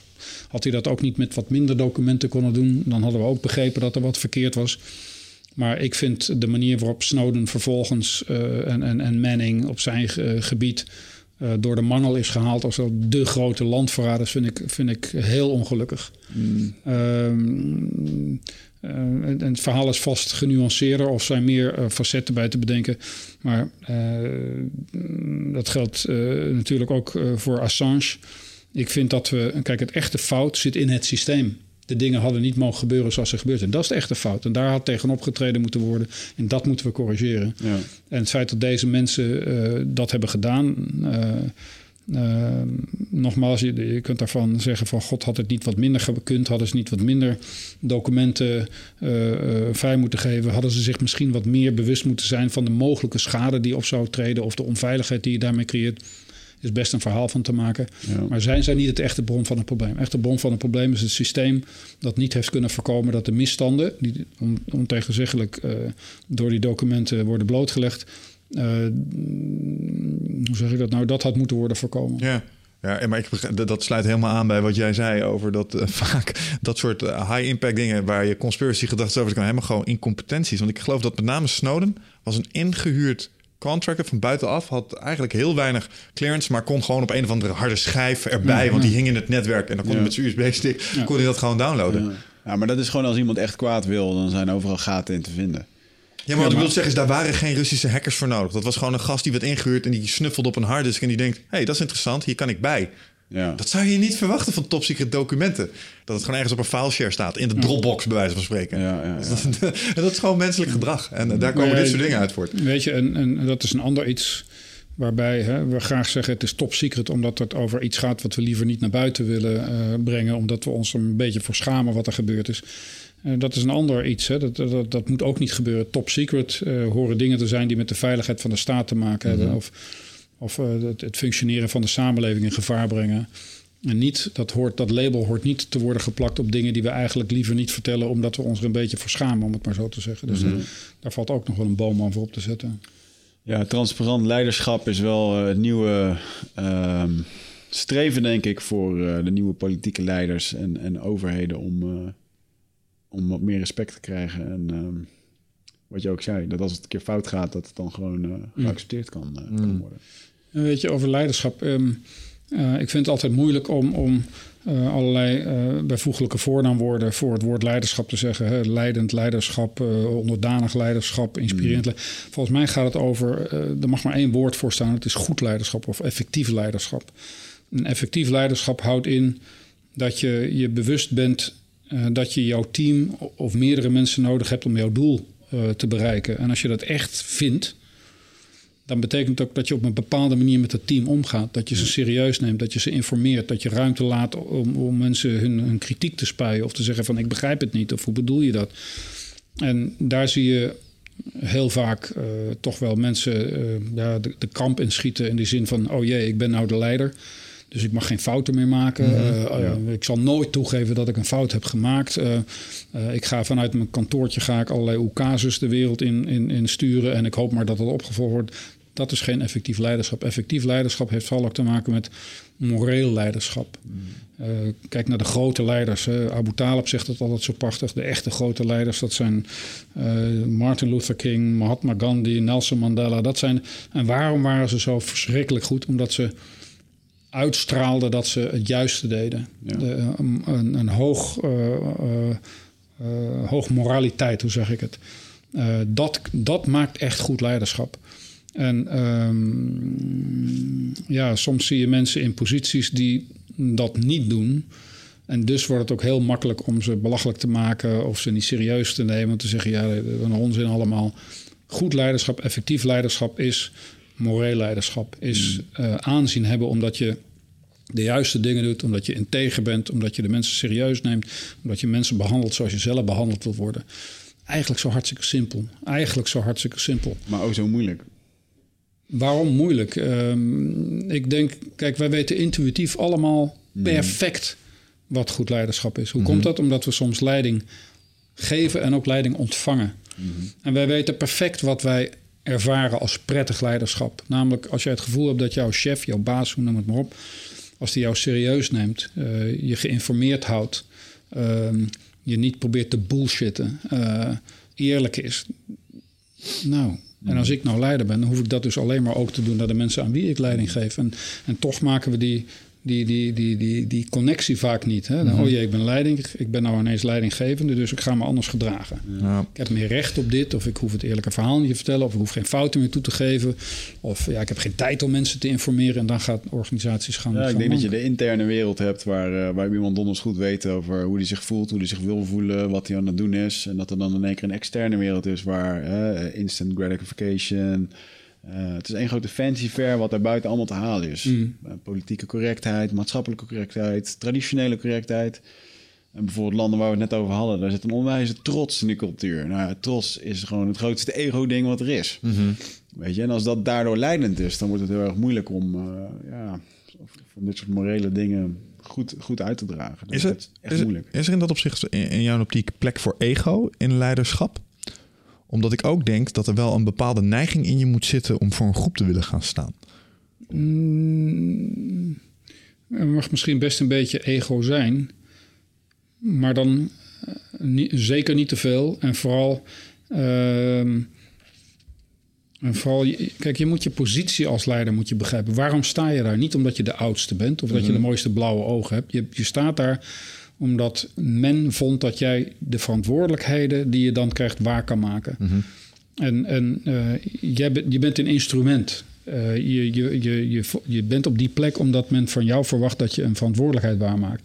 En eh, wat zie je wel vaak gebeuren, omdat je dan toevallig op dat podiumpje staat. Mensen jou de hemel in begin, beginnen te zeggen. Dat is geweldig. En wat zeker als mensen net nieuw zijn, dan, dan kunnen ze ineens de wereld aan. Dit is de nieuwe leider die we willen. En als je dan niet uitkijkt, dan gaat dat met jou aan de haal. En hopelijk heb je dan mensen om je heen die zeggen: hé, hey, doe normaal, man. Ja, ja, ja. ja. En, en dat is ook iets wat, je, eh, wat leiders zich moeten realiseren, dat je dat ook een beetje kunt organiseren. De kritische club om jou heen. En mensen die tegen jou durven te zeggen: hé hey man, dat zie je fout.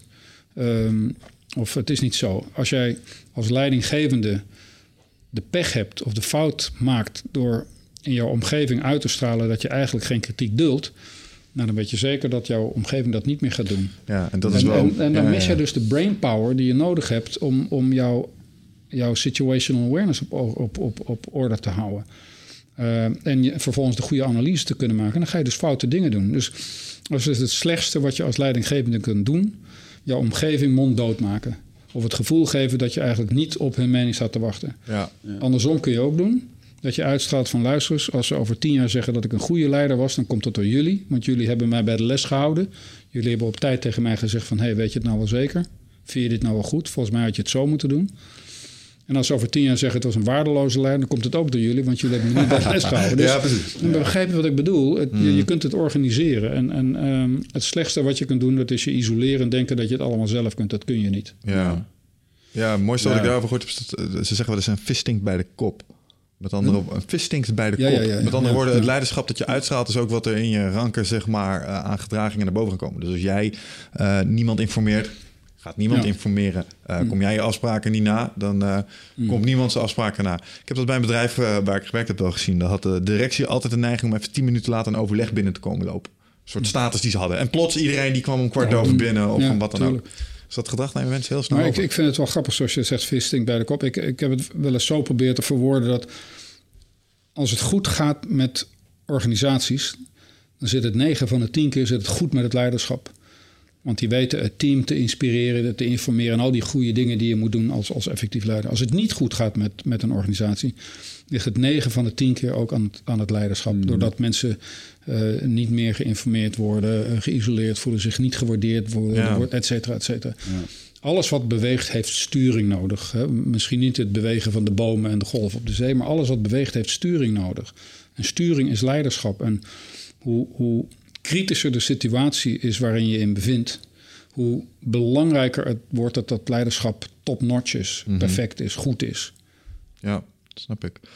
Uh, nou, als het dan gaat over leiderschap, want je hebt de, de transitie gemaakt van het leiderschap van defensie ook richting het bedrijfsleven. Nou, dat zijn thema's, daar komen Wicht en ik ook wel eens leiderschapsvraagstukken tegen. Bijvoorbeeld in uh, verandermanagement trajecten en dat soort dingen. Dus waarbij de koers uh, van een organisatie uh, wijzigt. Wat is in, in jouw ervaring een van de grootste valkuilen binnen dat soort trajecten als het gaat om leiderschap? Dus je, je moet een, een groep mensen iets gaan laten doen wat ze nog niet kennen of wat nieuw is voor ze. Ja, heel belangrijk onderwerp. Uh, hoe ga je met veranderingen om? Ja. En ik, ik, ook hier weer denk ik dat het goed is om even uit te zoomen en probeer het in een grotere context te plaatsen. Want wat is verandering? Verandering is dat je verandering brengt onzekerheid. Als ik tegen jou zeg van deze organisatie zoals we hier zitten, dat gaat, gaan we veranderen dan creëert, dan creëert het bij jou ook, ook iets van: oh ja, wat betekent dat? Zit Oh ik hier dan nog? Ja. Zitten we in een ander gebouw? Heb ik mijn baan nog? Krijg ik andere medewerkers? Ehm, is mijn salaris? niet? Kortom, verandering eh, creëert eh, anxiety. Eh, eh, hoe zeg je dat in het Nederlands? Eh, ongerustheid. Hè? Eh, ver- vinden we vervelend. Onrust. En als, als, als we onrust ervaren, dan functioneren we dus niet meer zo goed als daarvoor. Want we zitten, de helft van ons hoofd zit aan, aan, de, aan die onzekerheid te denken. Dat moeten we ons realiseren als leidinggevende. Veran, we vinden als mensen vinden verandering over het algemeen niet leuk. Er zijn er ook mensen die vinden het geweldig. Maar ik denk dat die categorie toch wat minder is dan, dan, dan eh, de grote bubs. Verandering vinden we onprettig, het creëert onzekerheid. eh, en, eh, en dus gaat het erom dat goed leiding geven in veranderingen betekent het reduceren van onzekerheid. Ah. A, wat betekent dat? Dat ik mijn mensen dus heel goed moet informeren. Dat ik ze mee moet nemen in wat we nou eigenlijk willen bereiken. Kijk eens, dit was het probleem. Dat gaat niet meer zo. We moeten naar een ander iets toe. Dat en dat is de analyse. We gaan dus naar zo'n organisatie toe. En daarom doen we dit en daarom doen we dat. Hoe beter je in staat bent om jouw team mee te nemen. Te leren begrijpen wat eigenlijk de echte reden is waarom we veranderen. En, en wat de reden is wat, waarom we nu bepaalde dingen doen. Hoe beter je de club bij de les houdt. Ja. Daarmee reduceer je onzekerheid.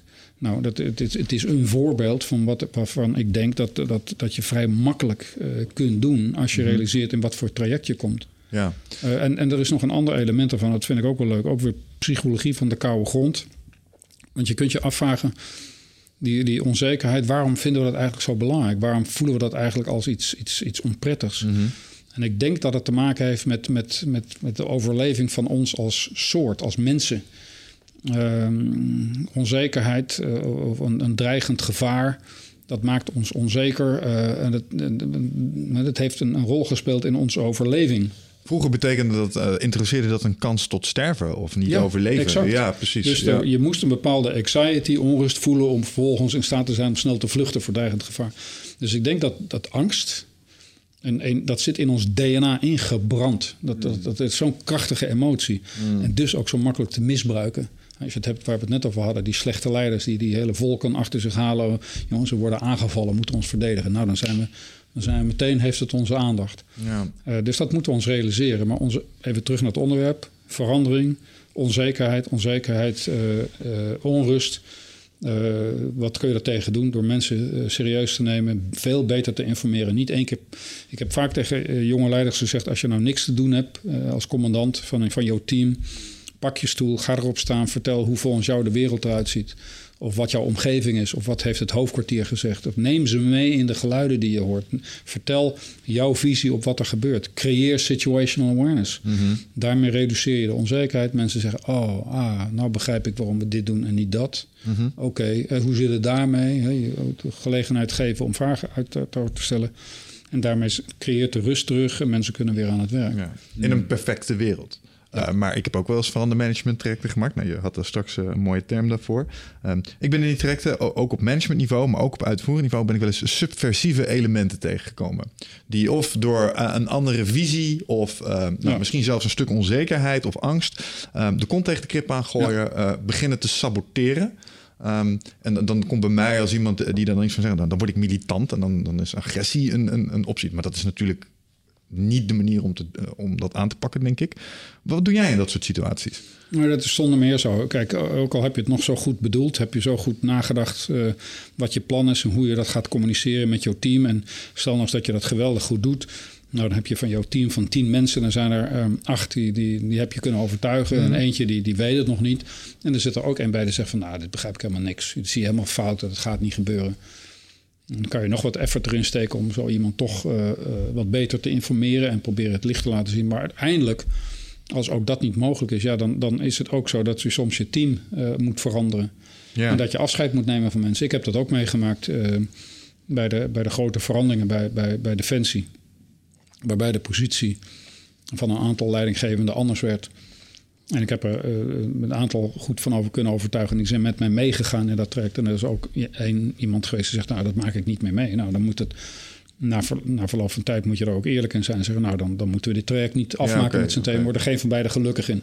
Ja. Je hoeft dus dat, niet bang te zijn om een samenstelling van een team te veranderen... als dat niet uh, Nee, dat doe je, niet, is voor dat doe je niet gemakkelijk. En, en, je moet er ook voorzichtig in zijn. Mm -hmm. Of voorzichtig, je moet er goed over nadenken.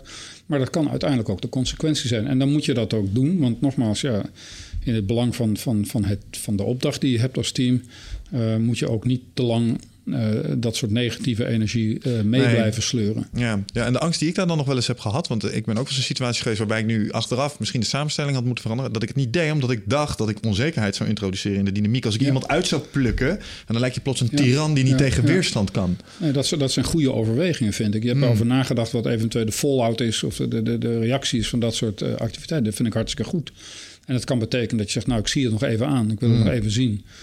Mm, als het goed is, doe je, neem je dan die beslissing wel op het goede moment. Whatever dat Ja, ja, is. je timing, ja. En heb je de, de, heb je de pech, dan, dan doe je het te lang... en dan vindt men je dat je niet doorpakt of zo. Dan gaan ze twijfelen aan je, aan je leiderschap en dat Ja. soort dingen.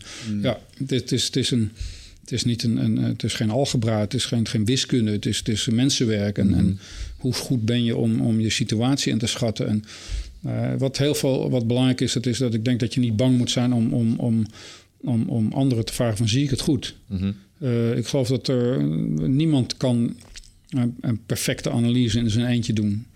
Eh, misschien Stephen Hawking of zo. Ja, ja, ja.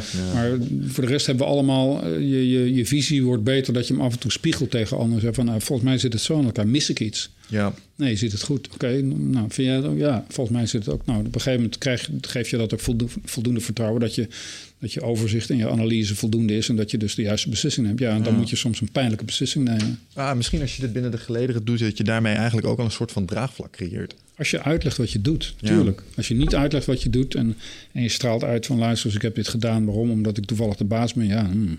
Ja, dat motiveert niet. Nee. Nou, de- en in het verlengde daarvan, want dat zijn andere ehm, dynamieken die ik heb gezien in dat soort trajecten, dat zijn de intern gepensioneerden. Het, het lijkt dat binnen gelederen altijd eh, een percentage is en die zit daar om te bestaan. Ehm, en het zou heel fijn zijn als je die, eh, zeg maar, ook de spark van motivatie kan meegeven. En mijn persoonlijkheidstype worstelt ongelooflijk met dat profiel. En ik ben altijd op zoek naar hoe andere mensen zulke mensen geactiveerd krijgen. De Hoe- hoe doe jij dat? afhakers. Ja, dat- dat zijn mensen die afhaken. Hè. Op een gegeven moment, ik vind het een mooie term trouwens, intern gepensioneerd. Ik ken hem nog niet. Ja. Ehm, ja, die, die zijn er natuurlijk. En kijk, uiteindelijk denk ik ook dat je daar eerlijk in moet zijn. In die zin dat je af moet vragen, waarom is dat zo? Waarom voelt iemand zich niet meer gepensioneerd, Mhm. eh, ge- geïnspireerd? Nou, misschien omdat hij het werk dat hij heeft eh, hem niet meer aanspreekt. Of dat hij het kunstje zo vaak heeft gezien dat hij zegt van ja, god, die ik niet. Dus eh, probeer, ik zou zeggen, als ik, als ik zo vrij zou mogen zijn om daar advies over te mogen geven. Dat wel de vraag Ehm, dus. je zal toch met zo iemand moeten proberen te begrijpen waarom die afhaakt. Als je het geluk hebt, dan, on- dan ontdek je wat dat is. En ben je in staat om dan een nieuwe omgeving eh, voor hem te creëren... waarbij die wel weer geïns- geïnspireerd eh, raakt. Ja. Maar het, het is zeker niet makkelijk. En ik denk, kijk, je moet ook... We zijn allemaal mensen. We leven niet alleen eh, op ons werk. We hebben ook daarbuiten een heel leven. We hebben, we hebben een gezin. We hebben familie waar we mee te maken hebben. Dat kan ook... Wat daar gebeurt, kan op een gegeven moment... eh, eh, hetgeen wat er op het werk gebeurt eh, gaan overstijgen of groter worden of belangrijker worden. Meer energie vragen. Dus soms ben je ook niet in staat om alles op te lossen. En, en moet je inderdaad op een gegeven moment zeggen van... goh, nou, misschien is het, is het ook goed voor jou om dat iets anders te gaan doen. Maar, maar ik vind het een grotere uitdaging of het geeft meer satisfactie... dat je op een gegeven moment in staat bent zo'n gesprek aan te gaan... te ontdekken waar het aan ligt en, en iets nieuws te doen. Ik heb recent nog van een, een jonge manager iets gehoord waar ik blij van werd. Die had een conflict met iemand. En een van zijn, eh, de mensen in zijn team... die eh, had zich wat ongelukkig uitgelaten... eh, in een grotere groep over de, over de manager, over de leider, zou ik maar zeggen. En die leider wist niet helemaal goed hoe die, hoe die daarmee om moest gaan. En toen, mm, toen heeft hij. Eigenlijk was, was zijn, eh, zijn eerste reactie om zo iemand flink aan te pakken. Nou, gelukkig heeft hij dat niet gedaan in de groep. Hè? Want je, je geeft mensen complimenten in de grote groep, maar je spreekt mensen aan.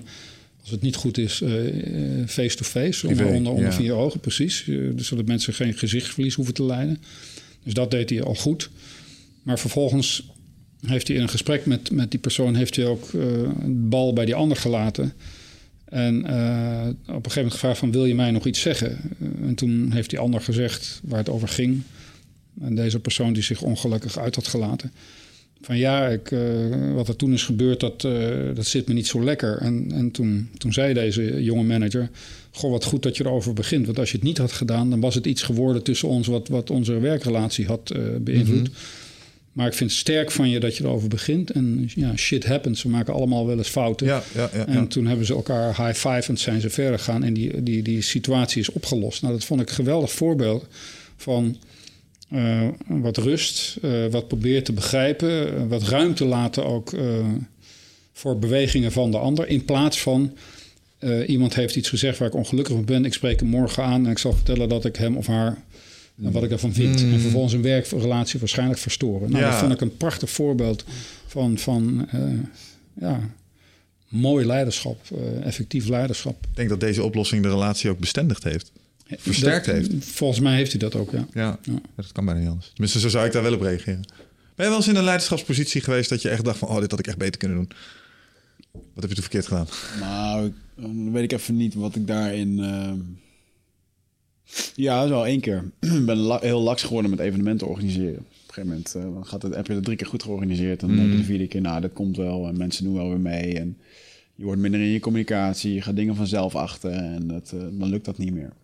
Ik heb wel heel veel leiderschaps... En nu je dit zo zegt, hè, bijvoorbeeld eh, publiekelijk comp- complimenten geven... ehm, maar één op één even aanspreken. Ja, ik heb echt wel managers gehad die, die dat andersom deden, bij wijze van spreken. Voorbeeld vooral, of stellen. vooral, ja, of vooral even in de groep, eh, zodat iedereen het... Hè, en dan ook even aanhalen. Iedereen weet het nu. En eh, ja, dat is ook Dit weer een beetje rollen, ja. angstpolitiek. Nee. Ehm, ja, Weet je, ook al heeft die leider gelijk. Ik denk dat de groep meteen het gevoel ook heeft van... ja, maar dit is oneerlijk. Want je hebt een machtspositie. En eh, eh, mensen kiezen dan haast eh, als default... de positie van degene die aangesproken wordt. Terwijl de leider misschien gelijk zou hebben. Maar het is gewoon onhandig. Je moet dat niet doen. Eh, elkaar de waarheid vertellen doe je face-to-face. En nogmaals, daarmee bespaar je gezichtsverlies. Want dat zijn elementen die op dat moment helemaal niet mee hoeven te spelen. Het gaat erom dat je iemand vertelt dat je iets niet goed vond. Nou, dat kun je ook heel, heel prettig doen. eh. ja nou, dat, vo- dat, dat voelen vind ik al mooi dat je dat beschrijft. Want mijn strategie, of mijn, nou laat ik het zo zeggen, niet mijn strategie. Eh, mijn leercurve van afgelopen jaar is om te vertellen wat ik voel. Hmm. En niet wat ik over jou vind. En op het moment dat je vertelt over wat je, waarom je het zelf zo voelt, Hmm. dan leg je dat inderdaad bij de ander neer. En dan kan die daar gewoon zijn ding op geven. Weet je, je snijdt iets aan wat ik ook belangrijk vind. Het is namelijk sociaal vaardig zijn. Eh, hoe goed zijn wij in, in onze manier van omgaan met elkaar? Ehm, en sociaal vaardig zijn betekent ook dat je elkaar vertelt wat je niet prettig vindt, maar dat op een manier zodat het voor de ander acceptabel is. Ja. En meestal, eh, meestal begrijpen we wel wat de ander vindt, maar eigenlijk de manier waarop hij het zegt vinden we vervelender. Hè, als, als, als mij in een groep wordt verteld dat, dat ze eigenlijk maar een waardeloze iemand vindt, dan ben ik daar al kwaad over dat het in een groep gebeurt. Want ik heb gezichtsverlies. Hetgeen waar het eigenlijk over ging, dat ben ik eigenlijk al vergeten. Sociaal vaardig zijn betekent volgens mij ook dat je, dat je kan zeggen tegen elkaar van... hé hey joh, ik, ik, ik mag je vreselijk zijn, maar, maar wat je toen deed vond ik niet goed. Je bent een prima vent en laat me een kop koffie gaan pakken... maar, maar dat gedrag vond ik niet leuk, weet je. Of het, of het heeft me gekwetst, of, of, of heb je gerealiseerd wat het heeft gedaan.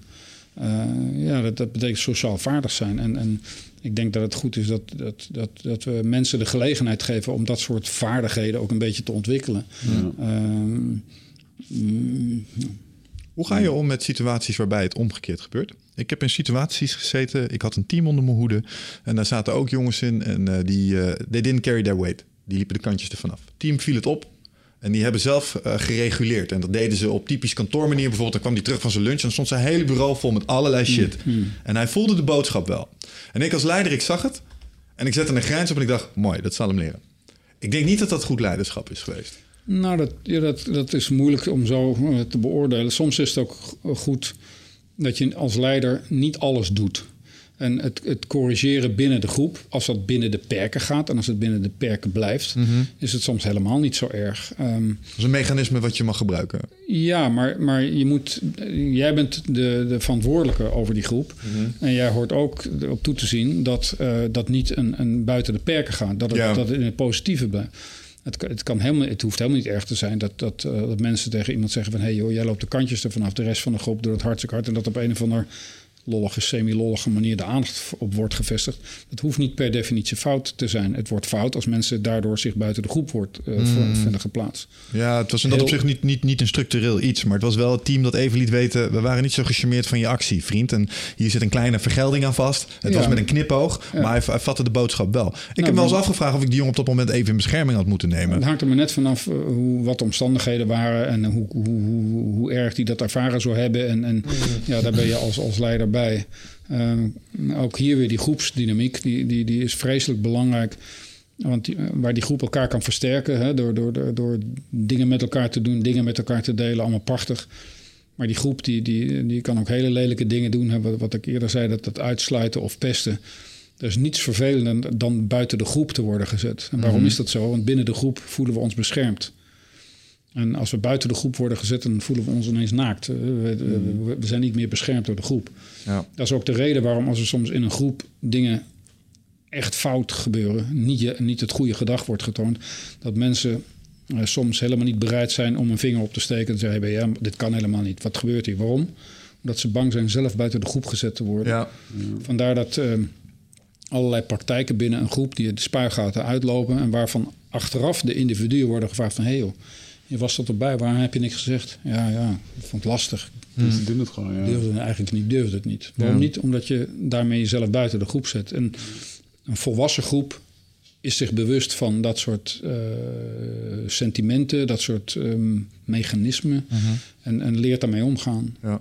Maar dit is wel veel besproken, ook met die Guantanamo Bay-praktijken, waarbij uh, krijgsgevangenen opgetuigd werden als kerstboom. En uh, noem het allemaal, maar gewoon uh, de hele dynamiek erachter zit hem er echt in. Dat op het moment dat je in een omgeving zit waar je niet bestraft wordt, of je hebt een hogere positie waarin je niet bestraft wordt en je zit in een soort van veiligheidsgroepje, mm. van wij kunnen dit doen dan gaan mensen daar gewoon in mee. Die daar, ja. Als je dat normaal zou voorleggen mm. in een andere situatie, dan zouden ze zeggen: die is hartstikke gek. Dat zou nooit gebeuren. Man. Ja. ja. Maar vandaar dat ik, uh, ik vind. Uh, wat ik zeg, dit zijn dingen die met, met vorming te maken mm. hebben. Van op welke manier word je, krijg je nou een karakter dat je, dat je de goede dingen doet en, en de, de, de slechte dingen zo min mogelijk doet, laat ik het maar zo zeggen. Uh, character building. Mm. begrijpen wie je bent, waar je voor staat. Uh, wat je principes zijn. Um, dat zijn dingen volgens mij die niet zomaar vanzelf uh, naar binnen komen. Dat zijn dingen die je uh, aangeleerd krijgt in een, of in een, in een gezin als je de mazzel hebt. Ja. Of in een, in een buurthuis, in een vereniging, op een studentensociëteit. ik vind het heel belangrijk dat we ons dat realiseren. Dat dat, dat dat niet vanzelf gebeurt. Ik vind het ook heel jammer als ik zie dat bijvoorbeeld allerlei buurthuizen ineens niet meer belangrijk zouden zijn. Hè, omdat het te, te duur is. Ik bedoel, het, het zijn... Ja het is de, de, de, de, de omstandigheden, de, de, de methodiek waar, waarbij we uh, onze jonge mensen uh, wat extra bagage meegeven, mm -hmm. sociaal vaardig leren zijn ja. en al dat soort dingen meer. Ja. ja. in dat kader denk ik ook dat naarmate je, je jezelf ontwikkelt als mens, word je daar ook beter in. Je doet ervaring op. En dat vind ik wel interessant, want als ik naar Michel kijk van tien jaar geleden, hoe die dacht over dit soort dingen en hoe mm. ik er nu over denk, dan zie ik nogal wat verschillen. Wat zijn dingen, uh, als zijn een man die, die, die best wat uh, ervaring inmiddels onder zijn gordel heeft. Wat zijn veranderingen in jouw kijk op leiderschap geweest die je ziet nu naarmate je wat verder daarin komt? Dus naarmate je aan horizon en kennis verbreedt, zul je daar een ander paradigma op aan het ontwikkelen zijn misschien? Niet zozeer een ander paradigma, maar misschien wel uh, scherper. Um, ook dat, dat, dat, dat je het misschien wat scherper kunt verwoorden. Mm. Um, ik, voor, ik heb veel nagedacht over over wat is nou het belang van leiderschap, waarom praten we er zoveel over.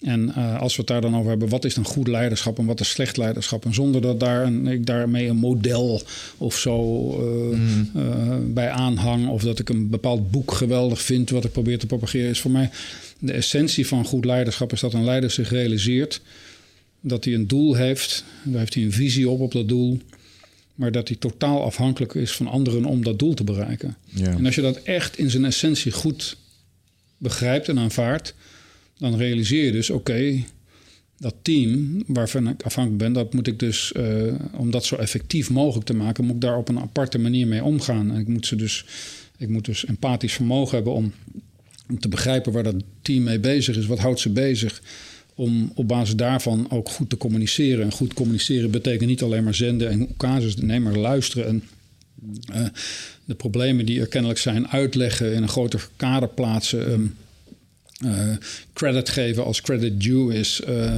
uh, mensen eerlijk behandelen, behandelen, integer zijn, het voorbeeld geven, fouten durven toegeven, goed mm. communiceren, bla bla bla bla bla. Al die dingen waarvan van jij en ik precies weten wat, wat het is. Want we hebben het vaak genoeg zelf meegemaakt als het mm-hmm. niet goed ging. Ja, ja, ja. En, en, dus is het enige wat we hoeven doen, alles wat we, wat we zelf als goed leiderschap ervaren, ook dat en, zelf in de praktijk brengen. Ja. En wat, wat, wat, wat, wat is, wat, om terug naar je vraag, wat is mhm. veranderd? Dat is een, een heldere kijk daarop. Uh, ik ben afhankelijk van anderen om dat doel te bereiken. En oké, okay, dat betekent dus dat ik, dat ik dat, dat, dat dwingt mij op een bepaalde manier met dat team om te gaan. En wat mij betreft, als ik het in één zinnetje zou moeten uh, verwoorden. Uh, wat gij niet wil dat u geschiet, doe dat ook een ander niet. Zo simpel ja. is het. Zo ja. simpel is het. Het is niet moeilijker dan dat.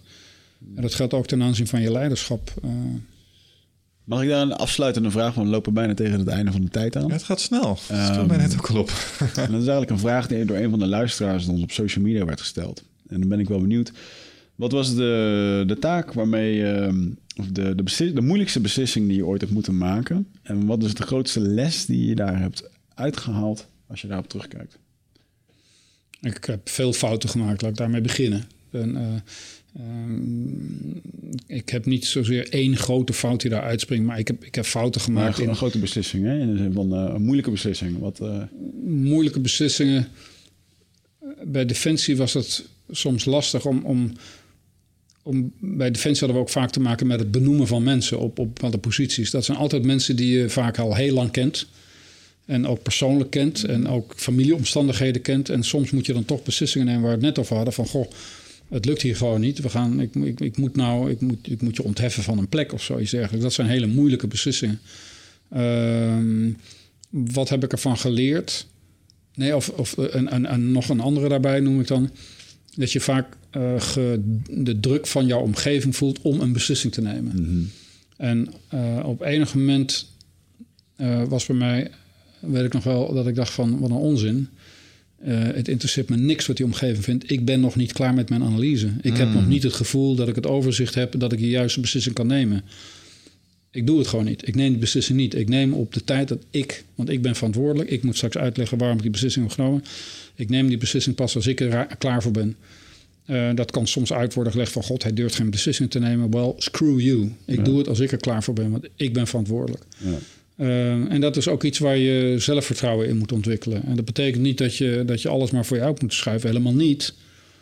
Maar jij bent verantwoordelijk. Jij bent straks aanspraakbaar, aanspreekbaar op, op, die, uh, op die beslissing. En dan kan je niet wegkomen met van ja, ik voelde de druk van de omgeving. Ik dacht dat ik maar een beslissing moest nemen. Nee, ja. men verwacht van jou dat jij die beslissing neemt... omdat jij de goede analyse hebt gemaakt. Krachtig. Mooi. Mooi. Dit kan je overal toepassen. Ja. Van zakelijke kwesties tot familiekwesties tot noem het op. Ja. Mooi. Dankjewel. Ik vond het een onwijze eer dat je eh, in de studio was. Um, ik hoop dat deze podcast een beetje helpt om je vaker uh, meer op een podium te zetten, dat je vaker je verhaal kan doen. Ik heb daar nog een verzoek bij. Mm? Uh, wat ik namelijk heel mooi vind aan dit gesprek is, mm. uh, dit is eigenlijk wat ik zelf heel graag luister, is een podcast uit meer. Je had het er straks over. Jocko, Jocko Willing, gaat ook over leiderschap alleen. Dit gesprek was dat, maar zonder het America fuck year gehalte.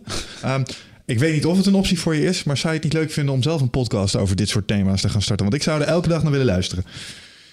Um, ja, ik heb er nooit nagedacht, over nagedacht om een podcast te beginnen. Uh, ik vind het een onderwerp wat mij, uh, wat me boeit, waar, waar, ik graag over spreek. Als tenminste ik het idee heb dat mensen, uh, als we dat gesprek aan kunnen gaan, Um, nee, ik heb er nooit over gedacht. Maar als er mensen zijn die zeggen: God, ik zou er meer over willen weten. of kom eens een keer een verhaal houden, ben ik altijd toe bereid. Mooi. Mooi. Nou, je moet zeker nog maar een keer terugkomen hier. Wat mij betreft. Heel graag in ieder geval. En um, ja, nogmaals, uh, heel veel dank. En Geen uh, dank. ik wens je ontzettend veel succes met uh, de dingen waar je mee bezig bent. Jullie ook. Ik vond het leuk. Dankjewel. Eens Tot de volgende keer, jongens. Tot de volgende keer. Ciao.